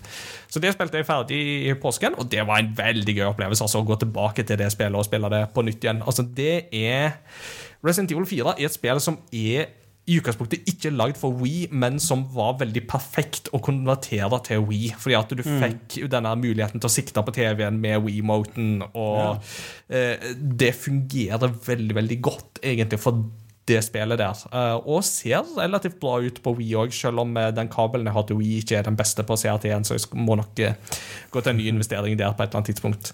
Så, men eh, Resident Evil 4 er for meg jeg, jeg, fikk en sånn gjenoppfrisking på hvorfor jeg, jeg syns dette spillet er så gøy. Og det er rett og slett bare at det går denne perfekte balansegangen mellom action, eh, setting, eh, historie og fortelling. Eh, og så har du den der klassiske Resident Evil-greiene med at det er liksom Ja, det er litt sånn science, og så er det litt sånn småskummelt, og så har du ting som er så bonkers at det er bare fullstendig umulig å ta dette seriøst. seriøst. Og så har du litt sånn der eh, cheesy eh, lines eh, der du har eh, en av bad guyene, han eh, lord Sadler, som bare sånn «Uh, I will uh, Perhaps I should introduce you to it. It will take care of you. Og Leon svarer med Not remembering its name, huh? Guess you're having one of those senior moments. Å, du kjære. Så, sånn, det, det, det er så tørt, og det er levert i liksom 100% seriøsitet. Samtidig som det ikke er seriøst i det hele tatt, og jeg bare elsker det. Så du, du, du, du kommer til å få så utrolig mange regninger på psykologsamtaler som våre lyttere må gjennom etter denne episoden her, at det er jo bare helt bananas. Det er så mye. Ja, ja, ja. ja, ja. Men uh, ja da. Prøv, da. Det skal ja, ha. ja, ja, ja. Fint, fint, fint. Og det er mm, Nei, altså Og, og, og pacinga i dette spillet òg er veldig, veldig bra. Eh, det er liksom gode liksom, topper, og så får du alltid en liten pustepause etterpå, og så går du videre, og så merker du at det bygger seg opp, og så får du en ny topp, og så får du tid til å fordøye det igjen, og så går det på en måte i en sånn veldig god pacing underveis i dette her. Så Jeg gleder meg imidlertid til å spille dette spillet i nyversjon uten alle disse quicktime events, for det er et mareritt i det spillet der. Eh, Selv om jeg klarte den vanskeligste quicktime-sekvensen, som er ganske lang, på første forsøk uten eh, noen retries. Der var jeg veldig solgt. Ja, ja, ja, ja, ja.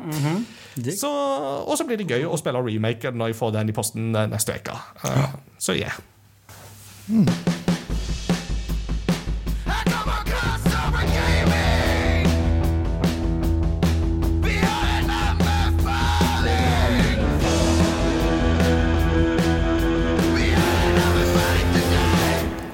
Da skal vi ha en anbefaling, og nå eh, tror jeg Peter er litt spent. eh, for at jeg, eh, I pausen så teaser jeg jo noe eh, interessant her. Kona har eh, Eller ja, de siste ukene eller månedene ish, så har kona kausjonert inn et løfte som jeg har avlagt i et svakt øyeblikk, og det at jeg har sagt at på et eller annet tidspunkt i livet så skal jeg faktisk ta og se alle Twilight-filmene. So hold on tight, Spider Monkeys, because we're going there. Eh, Å, så, altså, nei. dette er jo eh, Det er ikke Twilight-filmene jeg skal anbefale. Ta det helt med ro. Det er ikke Altså, ikke Twilight-filmene jeg skal anbefale. Det er bare å slå, slå det helt fast. Tvert imot, det er Det hadde vært dagens sjokk. Altså, det hadde vært dagens sjokk, ja. Skal, du- litt, skal du anbefale å ikke se Twilight nå? Nesten. Eh, jeg skal anbefale dere som faktisk gjør det litt verd å se Twilight-filmene, tross alt. Eh, fordi at det, altså, dette er jo filmer som absolutt fortjener den kritikken de har fått, både ut fra et cinematografisk perspektiv, men ikke minst på av et innholdsmessig tematisk perspektiv, så er det så mye trøblete ting å ta tak i her, at det at Twilight har blitt så stort, og Buffy the Vampire Slayer ikke har blitt det i like stor grad blant den unge generasjon, det gjør meg vondt i hjertet, med det en annen sak. Men eh, noen som tar dette veldig på alvor, det er YouTube-kanalen Cinematherapy. For Cinematherapy består jo da av eh, Jonathan Decker og Alan C. Wright, som da er henholdsvis eh, psykolog og eh, regissør. Og de bruker jo da filmer for å eh, snakke om eh, livets store spørsmål, rett og slett. Side note Ja, med Twilight. Men altså, side note, en gøyal ting er at begge har òg uttrykt at de er kristne, så det setter jeg veldig pris på. For det merker du på en måte i spørsmålene de tar opp, og litt hvordan de vinkler tingene, og ja, sånne ting. Men de har jo da hatt en en, de har en eh, bolk på åtte episoder der de går igjennom alle fem filmene. Så da har de to episoder for de tre første filmene, og så har de én episode for Breaking Dawn Part 1 og én for Breaking Dawn Part 2. Og det å se de radbrekka disse filmene her, på alle mulige plan det er faktisk eh, veldig veldig underholdende.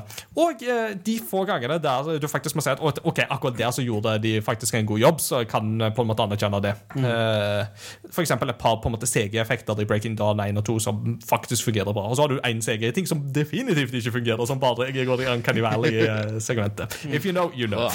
Eh, så det er liksom det som jeg man, av alle ting har lyst til å anbefale. Jeg har lyst til å anbefale Cinematherapys gjennomgang av Twilight-filmene.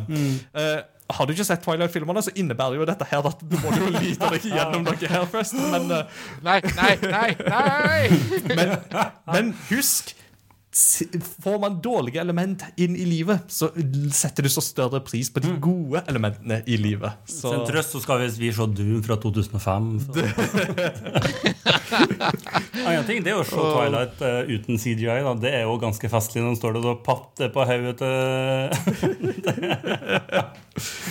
uh, og for øvrig, hvis folk spør Team Edward eller Team Jacob, så sier jeg Team Mustache Dad. Eh, så det er så. Vent, sa du at hun skal gifte seg Når det blir lag med ko far? Nei, far? Nei, hæ? Team Mustache Dad. Det er noe annet. okay. Jeg bare husker på at den faren har bart, og det er hva han skal heie på. Så, og det er snakk om kjæresteri og sånt, og det er dattera. Så det var liksom den Nei, nei, nei. nei, nei, nei, nei. Vi er ferdig med Twilight! Gi deg, Peter! Hysj! Men vi heier på han, for- han, gjør så godt han kan under omstendighetene. Dette en pachinko-kontroller til Super Nintendo.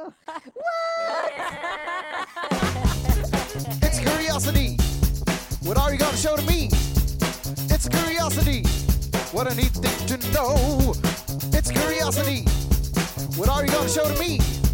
I haven't even heard of it. What a neat thing to know. It's a great the show.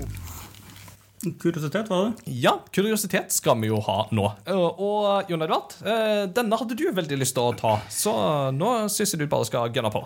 Yes, jeg, begynner, jeg fortsetter å bekrefte på en måte eh, parodiversjonen av meg sjøl. Jeg skal snakke om stemmeskuespill. Jeg har bare Yeah. to ting å snakke om. Det er Kingdom Hearts og stemmeskuespill. Gjerne i kombinasjon. ja, det, kan du ikke, skal ikke kombinere det, men jeg skal snakke om en, eh, en litt gøy greie fra Mario-filmen som jeg ikke vil anse som en spoiler, fordi at det ble brukt i markedsføringen av filmen veldig tidlig. Eh, og En av de første tingene som ble annonsert, det var at Charles Martinet, som da spiller Mario i spillet, skulle ha en cameo eh, i filmen. Eh, og det har han jo. Han har, eh, og, men mitt, og, jeg har sett denne filmen på engelsk og på norsk. Og på engelsk så spiller da cameoen spilt av Charles Martinet. Uh, vet dere hvem som spiller Charles Martinet sin cameo på norsk? Det er du. Nei, det er ikke meg. Å, det hadde vært veldig gøy. Det hadde vært grådig gøy. Og Nei, men vet du hva? Men Er det Helge Jordal? Nei, vet du hva? Den norske stemmen til Charles Martinet er Charles Martinet. Hæ? Hæ? Uh, Charles Martinet har da gått igjennom og har dubbet i alle språk hvor han spiller da den ene karakteren, er det han igjen og igjen og igjen. Så, det, så om du ser han på norsk, så får du fortsatt Mario sin originale spillstemme i, i filmen. er ikke det kult? Wow! Og det, det der, det henger vesentlig. Ja, altså, for det henger høyere enn I am Groot. For I am Groot på spansk er liksom bare I soy Groot. Dette henger vesentlig høyere. Wow. Så det var og jeg, liksom, for jeg, jeg, satt, jeg så han først på engelsk, og så noen dager eh, senere så jeg han på norsk. Og så tenkte jeg det var en grådig god imitasjon! uh, og så ser jeg eh, til rulleteksten, og helt på slutten der kommer det en credit, og det, det karakternavnet Charles Martinet. Wow. Det er Kudos. helt vilt. kudos. Uh, here we go. Dette Oh, yes. var meget imponerende å høre. Det. Det var rett og slett uh, fancy. eh, Kult. Ja, Kreds. det er kult. Gøy. Det kult. Det må vi si. Det må vi absolutt si. Ja, flott. Da er vi kommet til veis ende i den eh, normale delen av episoden. Ja. Peter, for nå må du gå. Nå blir Jeg vil ikke være her uansett, så kan bare ha det så godt. Det er. Fine, I'll make my own movie and podcast with blackjack. Nei da. Men uh, for de av dere som hører på, og som vil ha litt uh, prat om Super Mario-filmen, så er det bare å fortsette å høre etter postludiet. Uh, men for de av dere som vil vente med det, så avslutter vi nå med et postludium som ikke er Mario-relatert. Jeg er jo veldig glad i Final Fantasy, og, og særlig Final Fantasy-musikken har jo vært det som brakte dem inn i den spillserien. Men vi har ikke hatt så mye Final Fantasy-musikk som på studium, egentlig, i bunn og grunn. Og det tenkte jeg at det er kanskje på tide å gjøre noe med. Så i dag så skal vi høre litt ifra en av mine favoritt-tracks i hele serien, som da er Clash on the Big Bridge fra Final Fantasy 5, komponert av ingen ringere enn Nobuo Uematsu himself. Eh, dette er liksom en sånn ekstremt kul sånn mid-boss-sekvens eh, i Final Fantasy 5, der du bare merker at det her um, utmerker Uematsu seg med litt sånn prog-rock-inspirasjoner og den slags type ting som eh, ja, pusha litt Snes-lydchipen til det ytterste, vil jeg si. Så meget imponerende. Så det skal vi høre i, på studiet i dag. Eh, vi sier nå takk for i dag. Hvis du har hørt på oss eh, første gang og vil ha mer av oss, så finner du oss på crossovergaming.no. Der finner du alle lenker til våre sosiale medier og lignende. Husk å anbefale oss til venner og kjente. Eh, kanskje til og med noen du ikke kjenner så godt, så kan du bare gå på gata og bare Har du hørt om crossover gaming, eller? Det er creepy. What are you listening? Gaming, eller? Eller så kan du jo gå Eller så kan du jo gå eller, eller så kan du gå dør til dør og så bare Har du to minutter til å snakke om crossover gaming? Eh, Jeg ville bare skyte inn noe helt på slutten, eh, før vi mister de, så, eh, de to av dere som ikke har sett Mario-filmen ennå. En av de er Peter. Uh, jeg vil bare si at eh, jeg har begynt en jeg har- begynt et nytt prosjekt som det var veldig hyggelig hvis noen har lyst til å sjekke ut. Eh, meg og min kone er jo begge veldig Disney-fans. Og vi skal nå Når denne episoden har kommet ut, så har vi gitt ut første episode av podkasten vår som heter Disney Genius. Eh, og der skal vi da gå gjennom alle Disney-klassikerne, film for film. Eh, Dette, dette skal jeg eh, sjekke ut. ja, så kjekt, så kjekt. Og det, og det morsomme er at vi spilte inn episode én for snart, eh, snart to år siden. Men eh, Så har vi ikke lagt den ut før nå, men vi skal eh, begynne det. Og det på en måte ble sånn fin ting å gjøre sammen, eh, meg og Henny. Og det er òg noe som jeg Altså, folk vet vi er Disney-nerder, folk har faktisk litt lyst til å høre på det. Så det er sjekk det ut. Disney Genius på YouTube og diverse podkasttjenester. Så eh, altså, hør på Crossover Gaming først, men etter det kan du gå og høre på Disney Genius. Absolutt. absolutt Liker at du satte oss foran kona di. Det, Ja, bare ikke si det til henne. Og så vet du jo hvem du skal kontakte hvis du trenger gjesteopptredener eh, til å snakke om diverse filmer. Så Definitivt. Jeg er ganske definitivt. god på Frozen, som du hørte. Ja, det, det, La det gå, Peter. La det gå. Nei da. Ja, det skal gå. Uh, Cold never bothered us anyway. Uh, og vi snakkes ved neste korsvei. Ha det bra! Ha det. Ok.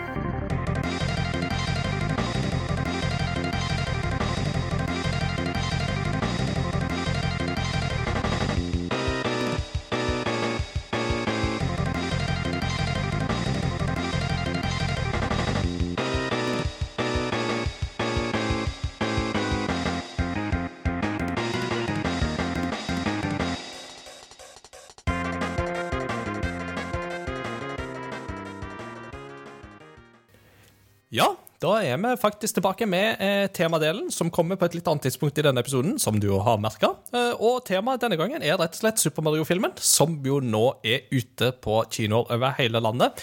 Kanskje du til og med har sett den allerede. Det er jo tross alt en film som har satt nye salgsrekorder allerede. Så det er ingen tvil om at dette er en film som publikum har eh, tenkt har vært veldig kjekt å gå og se, og at det sikkert er mange både små og store Mario-fans der ute som har gleda seg til. Men er det noe bra? Det skal vi snakke litt om, blant annet i denne delen her. Så Jon Edvard, du har sett den, og jeg har sett den. Du har vel til og med sett den både på norsk og på engelsk, ut ifra det vi skjønte i kuriositeten. Så, Det stemmer. Ja. Så ja, um, hvor skal vi begynne i dette her? Hva var liksom dine forventninger til filmen, først og fremst, kanskje? Hadde du noe tro på at dette skulle bli noe?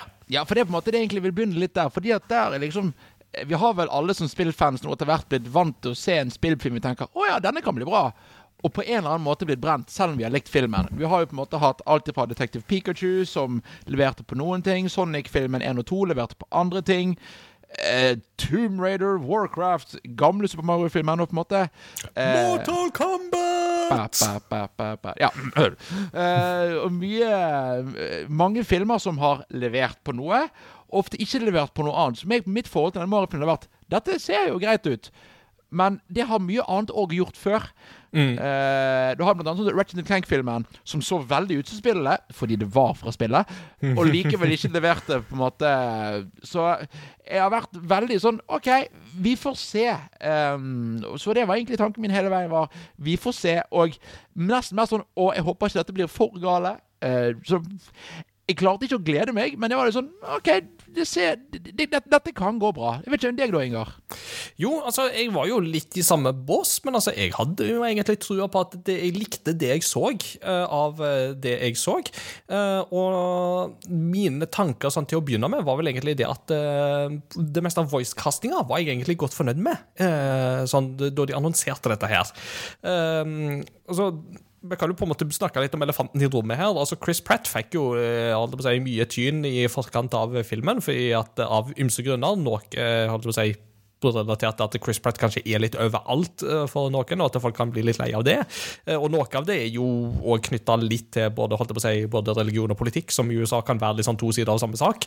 Ja. Men eh, for meg så er det liksom mitt første møte med Chris Pratt var jo faktisk med Lego-filmen.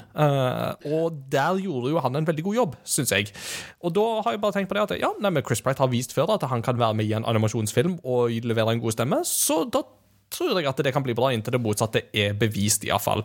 Og resten av castinga, da var jeg bare sånn her Dette er, kan bli veldig gøy. Charlie Day som Luigi, check. Uh, Key fra Key and, Peele som eh, Toad, check. Det kan bli veldig gøy. Uh, Jack Black som Bowser, triple check. Uh, så jeg var liksom on board på, på den biten der, da.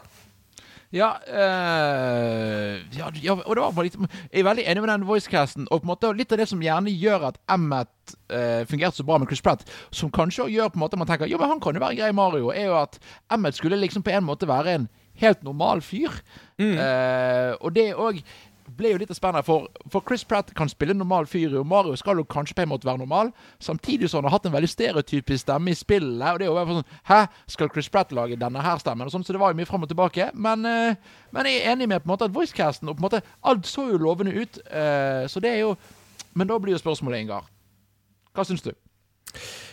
Du, jeg er godt fornøyd, jeg. Eh, det skal jeg jo si. Eh, jeg var heldig nok til å snappe opp eh, to billetter billetter det er gratis eh, som nerdelandslaget delte ut. Shout out til nerdelandslaget! Eh, s- og det, var, det i seg selv var jo faktisk veldig gøy å se nerdelandslaget hoste dette på Colosseum 1, og ikke bare på en måte være til stede på hele showet og innlede det med en uh, veldig god eh, troféskape, som jo de pleier å ha der de hyller ting, uh, men òg bare det å se logoen deres i taket på Colosseum 1, eh, det, det er liksom litt sånn Da har du gjort det bra. Så hvis Crossover Gaming havner der, og frem til, ja, da skal jeg si meg rimelig godt fornøyd med, med livet, for å si det mildt. Eh, Men det er jo filmen i seg sjøl vi var der for å se, og for å være helt ærlig, dette var en film som jeg var godt fornøyd med. Eh, Illumination, de som jo har laga det, det er jo Minions de er mest kjent for. Og Minions, altså Minions og grusomme meg. Og jeg syns jo at 'Grusomme meg' 1 og 2 i fall er veldig artige filmer, og resten av filmene de er sånn helt midt på treet, og ikke så mye mer enn det for meg. Så da har det jo vært litt sånn spenning knytta til om de kunne få til dette, men jeg, altså, filmen ser veldig bra ut. Det skal han ha. Uh, den er proppa full av detaljer uh, og referanser. Det kommer vi sikkert litt dypere inn på. Eh, musikken har utrolig mye gøyale ting her og der som den eh, hinter til. Jeg lo masse underveis. Og historien er helt grei. Den fungerer, altså den tjener sitt formål. Eh, og jeg tenker jo det at hvis du Altså, det er jo ingen av oss har plukka opp et Mario-spill utenom kanskje Paper Mario-serien eller Mario Luigi-serien og forventa å få en bra historie. Det jo ikke det vi går til Mario for.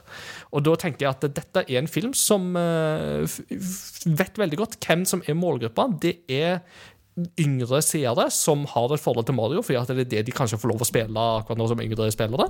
Og det er eldre seere som har et varmt og godt forhold til Mario fra før, og som kan på en måte plukke opp disse små og store referansepunktene her og litt der. Og hva de plukker opp, det vil være litt avhengig av deres referansegrunnlag.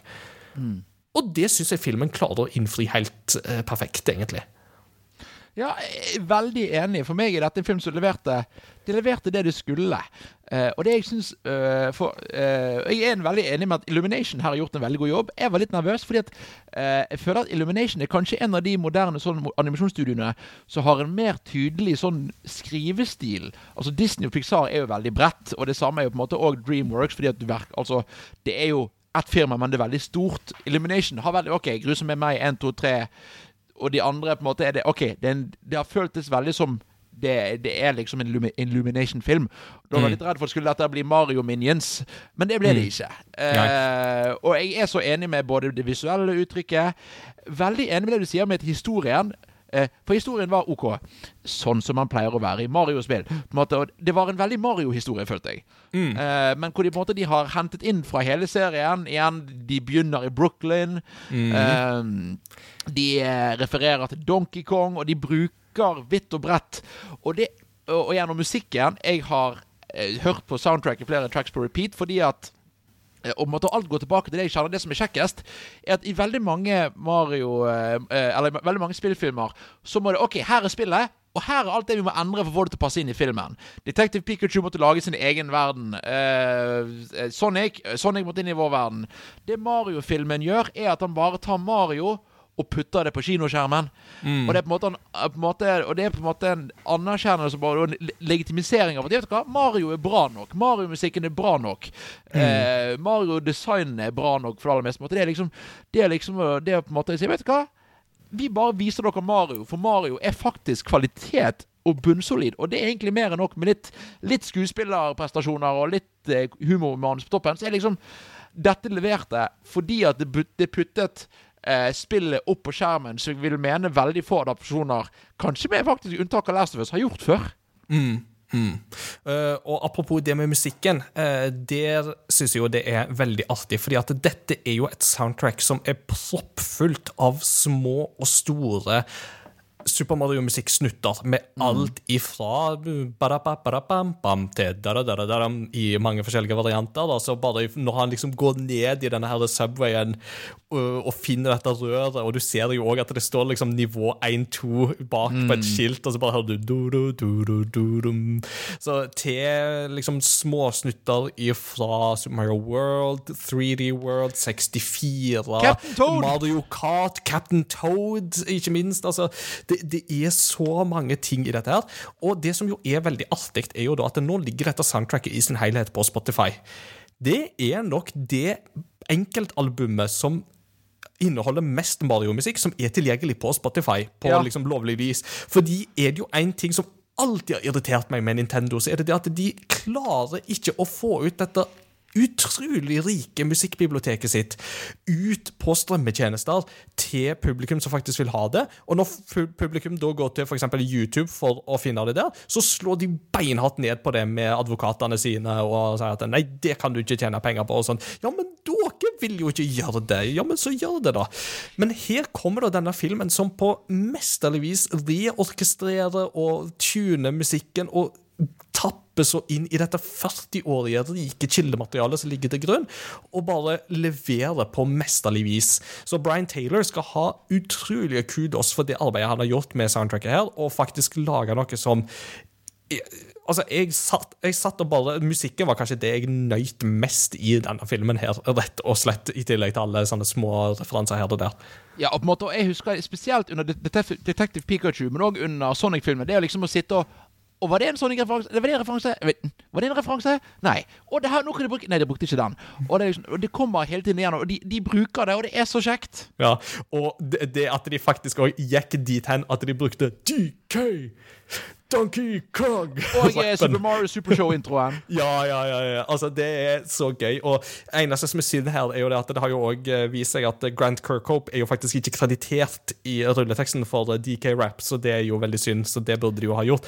Men veldig gøy at de gikk dit. At de faktisk bare tok det mest campy delen av Donkey Kong law og introduserte det i dette. Ja, absolutt. Og det er for så vidt noe jeg har sett flere skrevet om flere steder på nettet og på Twitter og sånn, at det er, det er en del Mario-ting her som er kreditert Shigeru Miyamoto, Nintendo, Kochikondo, Kondo, hvor det er ganske mange som ikke har fått den crediten de skal ha. Og det er òg en sånn OK, det er vanskelig på en måte å kreditere alle, samtidig så det er litt kjipt. eh, Men, så det er òg en sånn liten bismak, men likevel bare det på en måte De har gått så bredt her. Eh, og det er ikke bare fanservice. De bruker det på en så god måte. Det, det er ikke bare for å si ei, Eh? Det, er måte, og det er brukt som virkemidler i filmen. Og det er liksom det er Og igjen, det klippet som vi fikk se fra Game Awards, når Mario går igjennom denne byen på vei opp til slottet til Peach, og det er jo bare sånn kavalkade, referanse på referanse på referanse. og det å se denne filmen med Jeg, så, jeg har sett den med noen venner på, eh, si, en gang med ganske liten gjeng, og en gang med en litt større gjeng. på en måte Og det er liksom å se hodene til Å ja, den kjente igjen den fra det spillet. Og den kjente igjen det, for den har spilt 3D World. Å ja, eh, hun der har spilt Super Mario eh, Ja, Super Mario World. Eh, å ja, han har spilt Mario Kart. Og det er jo en sånn greie. Liksom, du ser liksom hodene bare sånn bytter på å snu seg. Å ja, den! Å ja, Ja. den!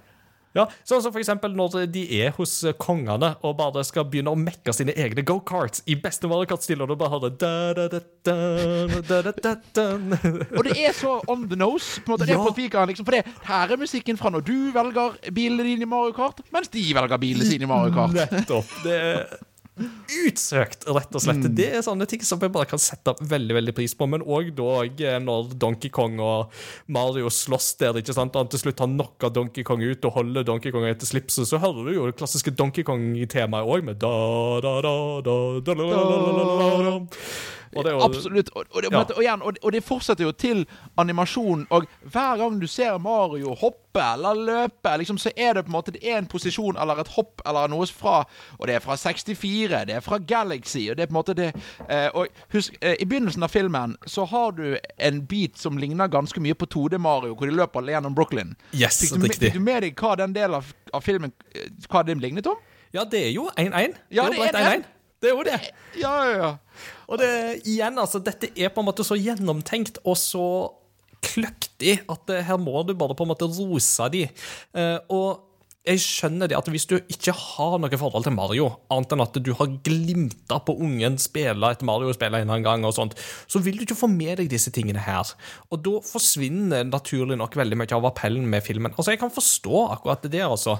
Men igjen så tenker jeg at eh, denne filmen vet utmerka godt hvem den skal catere til, og derfor så klarer den det på mesterlig vis. Altså, Ungene syns liksom mest bare det er gøy å se, fordi at det er Mario, og det er hoppersplett og tjo og hei sikkert, og så er det litt sånn ting som de kjenner igjen fra den begrensa erfaringer de har. Mens de som er eldre og kanskje litt sånn, sånn som oss da, og har spilt veldig mye Mario, legger merke til disse tingene her og kan på en måte kose seg med at det var en kløktig ting å gjøre, det var en smart ting å gjøre. Som for eksempel da å mm, kaste Charles Martinet som far til Mario, blant annet. Ja. Ikke sant? Altså, for en mesterlig ting å gjøre, ikke sant? Altså, for en symbolsk gøy ting å gjøre. Og de er jo ikke de første til å gjøre det. Altså, The Last of Us gjør jo det, det samme med Ashley Johnson sin rollefigur. Eh, og mm, eh, i spillefilmen til Mulan, eh, som jo ikke har fått så veldig positiv omtale, så gjør de jo òg det samme med at Ming Na Wen introduserer eh, den nye Mulan for keiseren når eh, liksom hunene er slått og hele pakka der. Så det er liksom den gamle Mulan overlever, eller presenterer den nye Mulan. At det, det er noen sånne kontinuitetsting der som jeg kan sette veldig pris på. da. Samme som når Nolan North møter Tom Holland i Uncharted-filmen. Ja, Ja, det sånn. That happened Ja. to me once. men, men det jeg synes er så fint her, er på en måte at eh, det er ikke bare en referanse, det er òg et verktøy i filmen. For faren til Mario har jo òg en rolle i denne filmen, annet enn Hei, det er Charles Martinet! Eh, du har jo òg den andre karakteren Charles Martinet spiller, som er en Hei, det er Charles Martinet! Eh, men på en måte, det er Nei, det er, det er liksom Alt fungerte, og ja, dette er ikke en dette er ikke en Oscar-film på den måten. Og ja, det finnes faktisk en del animasjonsfilmer som har mer dypere historier, men dette er det Mario er. Altså, dette for meg går, kan, kan på en måte gå inn mellom Mario-spillene og passe inn. Eh, på en måte hvor Jeg syns ikke Sonic-filmen passer inn med Sonic-spillene. Nei. Eh, jeg syns egentlig ikke heller Detective Pikachu-filmen passer med Detective Pikachu Eller, eller med Pokémon-spillet på den måten, selv om det minner mye og refererer mye. Det, dette passer inn på en helt annen måte. Dette kan du si er et Mario-spill. Altså på en måte uh, Du kunne Altså For meg, det funker, og det er så gjennomsyret Mario. Og det synes jeg er så Og det er derfor jeg er så glad for at denne filmen gjør det så bra. Fordi at dette er den spillfilmen som har truffet spillet mest, vil jeg si. Ja, og ikke bare at det er liksom at det, det, er Mario, ja, men det er liksom Nintendo. Altså, Med på en måte alt ifra at han sitter der på rommet og spiller Kid Icarus, til at du har Punch Out Pizzeria, eh, til eh, at du har en arkademaskin av Donkey Kong eh, stående i bakgrunnen, til sånne småting som en sjappa i, altså i det på en måte Bowser entrer vår verden, så er det ei sjappa i bakgrunnen som har skiltet Disk kun, eh, som jo da refererer til, Famicom Disk System sin maskot. Eh, så, eh, og Bowser som sitter og spiller på flygel fra, levert av Ludvig von Cooper. Ja. Eh, ikke sant? Altså, igjen, det, det, alle disse tingene her som Jeg setter så pris på det, rett og slett. Altså, Jeg pleier å på en måte være en som ser film ganske stille. Og jeg husker når jeg var, var på kino i USA og fikk med meg hvor høylytt de var der, så ble jeg på en måte Hallo, man skal være stille og se på film. Men denne filmen var så full av referanser, så jeg fortalte til venninnen min ved siden av meg at vi ble hysjet på. Fordi det var sånn Ja, det der er bla, bla, bla. Ja, det der er Så hører jeg bare Hysj! Prøver å følge med. Unnskyld. Det, for, det, det, for det er så mye. øh, Og, og det jeg også syns er gøy, det er på en måte at fordi Mario er så bredt Det er sånn igjen Når Blue Shell-karakteren kommer, Ja, ja, så sitter ja, ja. alle i salen og bare Ei, det har skjedd med meg i Mario Kart òg! igjen. Og, da, og det på en måte for det, og, det, det, refereres på så mange områder. Mm. Eh, alt fra Min far spilte Donkey Kong, han tar den referansen. Og når Donkey Kong da kaster disse bare, hva si, bøttene eller Tønnene på den måten, som Donkey Kong gjør, så er det sånn Det funker, det òg. Og det er liksom ja. Det, og, det, og de har ikke måttet liksom lage sitt eget versjon så mye for å få det til å funke. Det, det er bare de har hentet Mm. Og apropos Donkey Kong, så er jo Pauline er jo mayor of Brooklyn, eller of New York i Ja. dette spillet. her, som jo da er en, det, er en kort vei for å ha henne som ordfører i New Donk City til å ha henne i New York, tenker jeg. altså Den veien der er veldig kort. Eh, og igjen, det òg funker veldig bra, da. Så uh. Absolutt, absolutt. Det er Nei, vet du hva, jeg er så fornøyd. Jeg tror jeg aldri har vært så- en, for, eh, så fornøyd med en film som ikke er et mesterverk. For det er det ikke, på en måte. Men det, på en måte, men, men det innfrir så ja. ekstremt. Altså, i, som sagt, altså, dette er filmen som vet hva den skal gjøre, og gjør det uh, veldig bra, tenker jo jeg. Eh, sånn Storymessig så er det jo holdt på å si, lite å hente her. ikke sant? Altså, Du kunne jo like gjerne kalt dette Super Isekai Mario. Uh, og altså, Mario kastes inn i en annen verden, ikke sant? og det Bowser gjør det Bowser gjør. Han stjeler ting fordi han vil gifte seg med Peach. Uh, så I guess love makes a guy come out of his shell. Åh, det var åh, Humoren fungerte, altså. Ja, det, ja, og, og, og igjen, altså, dette her fungerer liksom på det planet der. Men eh, apropos a guy that comes out of his shell, vi må snakke om noen av disse stemmeskuespillerprestasjonene. Og eh, vi må jo bare holdt på å si, begynne på toppen av isfjellet her. Altså, Jack Black som Bowser. Var det noen gang tvil om at det skulle fungere? jeg, jeg, jeg er så glad for at det funket så bra som det gjorde. på en måte Og det er For det, det var en del med som var sånn OK, dette blir morsomt. Men blir det mer? Og dette, men dette, dette er Bowser. Dette Ja. er på en måte Og det er jo igjen og noe av det er markedsføring, men det er, noe, vet, men det er noe med disse intervjuene òg, at annet Jack Black han har lagt mye inn i dette. her på en måte. Han, Det virker som at han faktisk bryr seg om dette. her. Ja, ja, ja. Altså, han, han går all in i dette her, med liksom hud og hår og skjell og hele b- Eh, og med sangstemme og, og la eh, oss ikke glemme Peaches, Peaches, Peaches, Peaches. Peaches, peaches. Altså, herlighet som jeg satt og lo av hele den sekvensen der han sitter der med det flygelet og bare sånn Når du merker at det, her har de skrevet stemmeskuespilleren inn i filmen. Altså, dette er så skrevet for Jack Black som det går an å få Absolutt. det. Jeg vil faktisk også her bare ta eh, muligheten til å rose den norske skuespilleren til Bowser. Så da eh, Jeppe Beck Laursen, som blant annet har spilt eh, Daidalos fra NRK Super, og spiller Maui på norsk i eh, Vaiana. Ja. Eh, som òg er en veltrent eh, sanger, og som leverer faktisk ordentlig bra på norsk. Så det er denne, jeg, si, jeg skal ikke si så mye om den norske dubben nødvendigvis, annet enn at Charles Martinet er med, men det er en karakter jeg likte bedre på norsk, og resten var grei. Bortsett fra at Mario og Luigi er spilt av noen norske youtubere som dessverre ikke er skuespillere, og som leverer helt greit. Ja. Det er, som, det, er det vi allerede har snakket om i Discord. vet du. De skulle ha ringt eh, Nerdy Norwegian, aka Jon Edvard Genius, ja. og trent stemmeskuespiller hele pakka. Men eh, hvem vet, kanskje til oppfølgeren. Det- Du får bare begynne å trene på din eh, indre Yoshi! Åh, det Eh, er For det er over jo so mye som eh, Eh, tyder på det. Absolutt. Men jeg, jeg, i stemmeskuespillverdenen For jeg vil bare høre med deg, for det er en karakter på engelsk som jeg ikke syns fungerte, og det handlet om stemmeskuespillet, og det var Cranky Kong. Ja, det, OK. Ja, altså, Cranky kan jeg se. Jeg vil si Donkey Kong var et eh, større problem for meg. OK. Jeg syns Seth Rogans tolkning av Donkey Kong var kjedelig. Det var nok min største aber med denne filmen her. Jeg syns ikke Seth Rogan passer så godt i den. Det kan, kan det være fordi at det var hvordan Donkey Kong var skrevet. Det kan hende. Men jeg tror faktisk det var mer holdt på å si, mm, Seth Rogan som var mitt problem her, enn Donkey Kong som rollefigur. Som jo for øvrig her er sønn av Cranky Kong, og ikke barnebarn av eh, Cranky Kong. Eh, Men uh, det er en sånn små detalj som er bare ikke tenker så mye på her i dette tilfellet. Cranky Kong i seg sjøl syns jeg var helt grei, men det var noe som var litt off med han. Jeg kan innrømme, jeg kan være enig i det, altså. Det er noe, men, og jeg ser den med Seth Rogan, det, og det har han gått ut og sagt sjøl i intervjuer, at Seth Rogan sa når han ble castet at han han lager ikke stemmer. Han spiller sin egen stemme. på en måte. Han er jo en skuespiller, på en måte, men Og den karakteren han var Det er ikke sånn Ja, det er den Donkey Kong jeg husker. Samtidig, for min del Jeg vet ikke hvem den Donkey Kong jeg husker er for noe. For det er liksom Han kaster tønner. uh, igjen, og så har vi liksom hatt Vi har tegnefilmen, og vi har jo litt sånn hint til karaktertrekk her og der. Men for, så jeg, jeg er enig med at han på en måte Han var ikke så gøy. Men jeg for min del kjente på at ja, ja det, det, For meg var det nok Donkey Kong til at jeg var fornøyd. Eller, eller han gjorde rollen sin i filmen greit nok til at jeg ikke ble plaget av det da. Ja. Ja jeg, kan, jeg kan se den. Mens Cranky Kong var litt Jeg vet ikke Det var bare noe med stemmen til uh, uh, Stemmen hans altså, det, det ble for tullete, det ble for parodi. Eh, mens han da på norsk er spilt av Johannes Jonar. Ja. Som på en måte Som var kjent og kjær Leo Brødrene Dal. Uh, måte, som var sånn, ja, det, det, det fungerte litt bedre. Ja. Nei, men eh, interessant perspektiv. perspektiv. Eh, og så har du jo Keegan Michael Key, som jo er Toad, som jo fungerer veldig bra i denne filmen. Ja. der. Jeg syns at uh, Toad sin figur var overraskende gøy.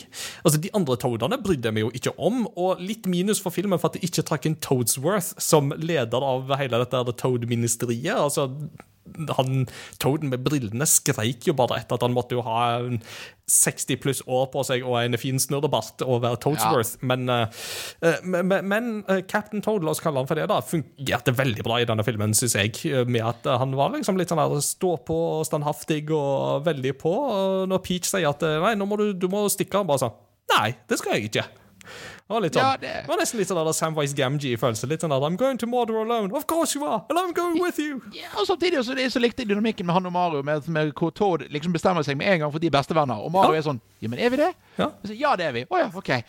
uh, så det er for så vidt. Og jeg syns uh, Jeg vet ikke, er det noe mer å si om Chris Pratt enn at han fungerte? Han, han, han leverte? ja, jeg syns det. Jeg satt aldri og irriterte meg over den jobben han gjorde. Jeg synes at I det store og det hele så leverte han eh, varene. Så det var Ja.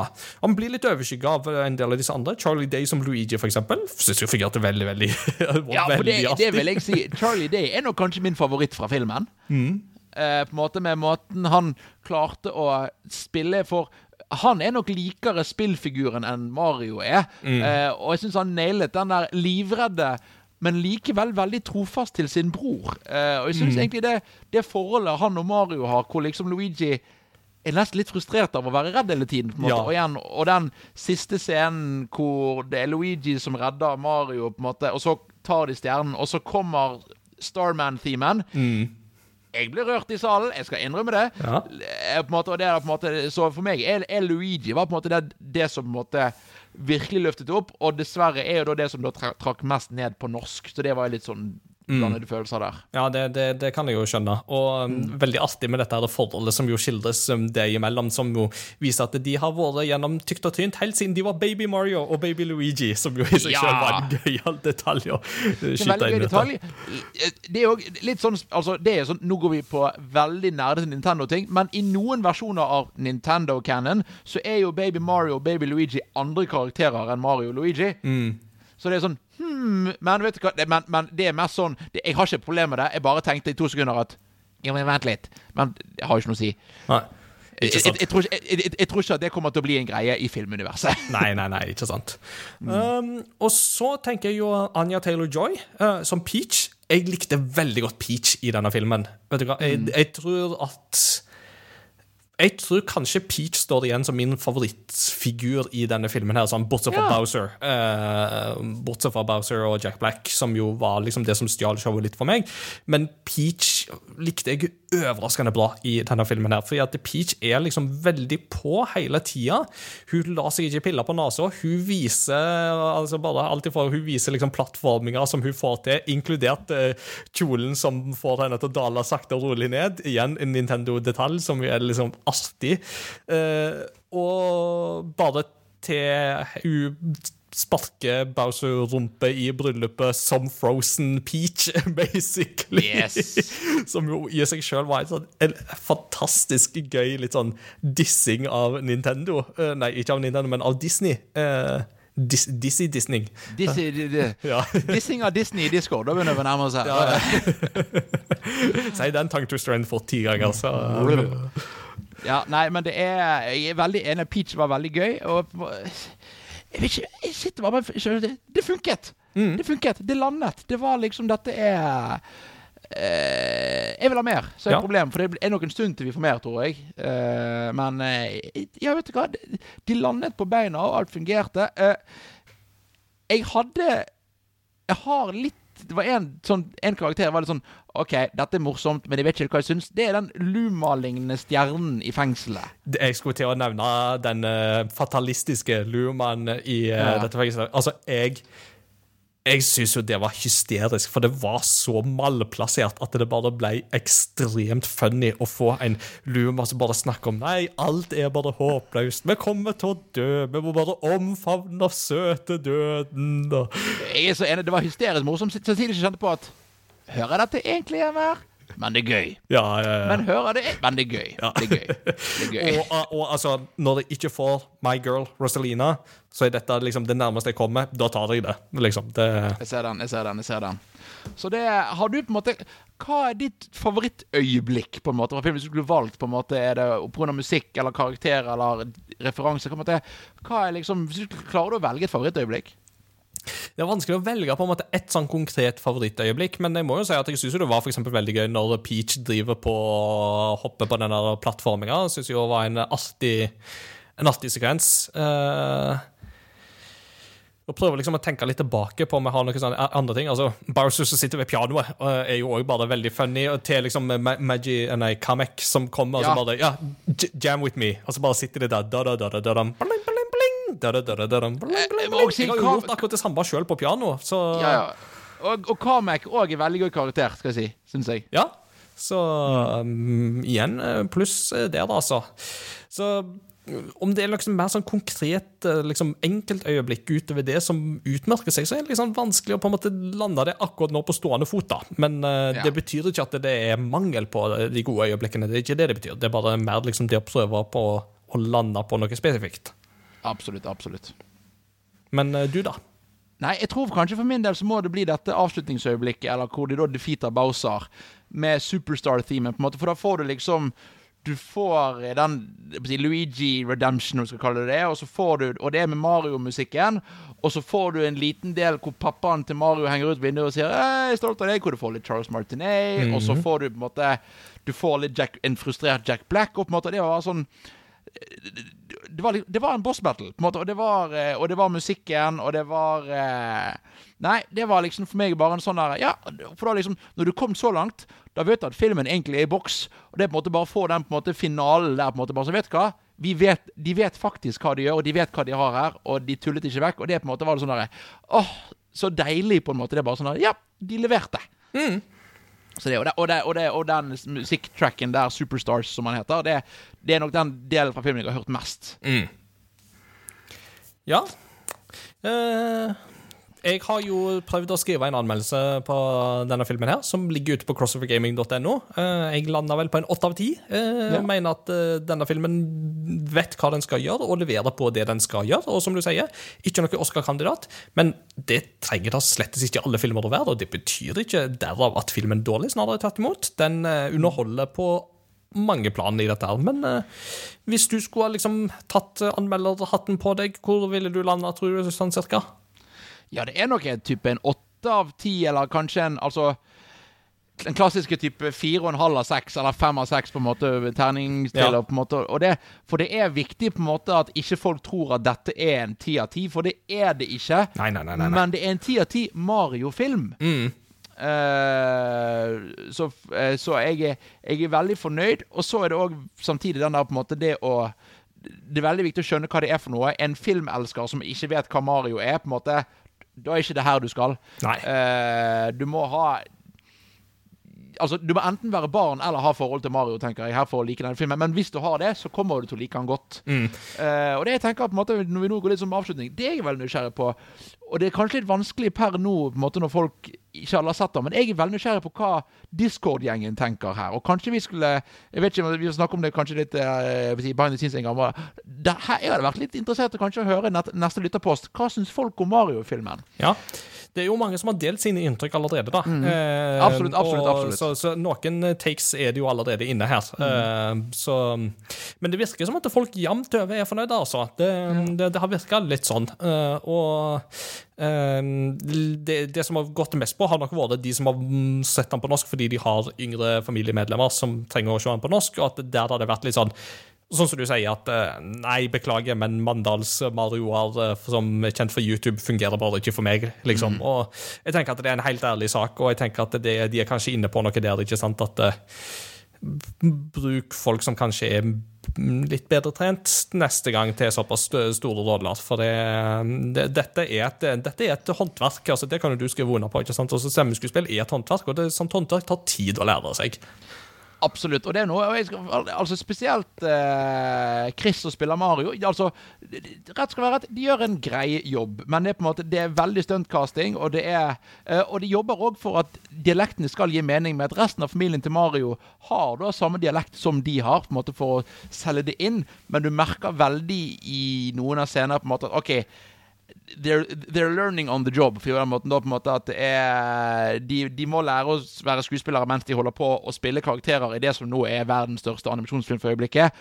Og det syns jeg blir litt feil. Ikke fordi jeg skulle gjort det, ikke i nærheten, ikke det jeg snakker om, på en måte, men det, det der at her skulle det fakt... Altså, det er en grunn til at Ja. Finn, finn noen som, som kan faget, eh, og la disse komme og ha noen gøye cameos, eller spille litt mer tydelig karakter som ikke er så utfordrende. Men det, eh, de var flinke, men de, de, de, de var ikke de, de var ikke Chris Pratt og Charlie Day. Nei. Kunne de kanskje eventuelt vært Cranky Kong og Donkey Kong? eventuelt? Det For eksempel kunne de vært det. Jeg hadde ikke hatt noe imot det. Nei. For eksempel. Ja, nei, men eh, jeg tenker at eh, hvis vi ikke sitter med noe mer eh, på hjertet da, så tenker jeg at vi runder av denne delen av episoden. Det var veldig gøy å få um, prata litt sånn fritt om hele filmen, egentlig. Det har jeg hatt eh, Jeg kjenner jeg har hatt litt behov for å gjøre det, og det var Jeg tror at dette inntrykket så langt i alle fall har vært at dette er en film som treffer sitt publikum veldig bra. Eh, og da kan jo dette forhåpentligvis bli starten på noe enda større. Og uansett hva du måtte mene om denne filmen her, så tror jeg man kan være enige om at dette er uansett bedre enn den gamle Mario-filmen fra 1993 med Bob Hoskins og Dennis Hopper. Det tror jeg nok du uansett må kunne si.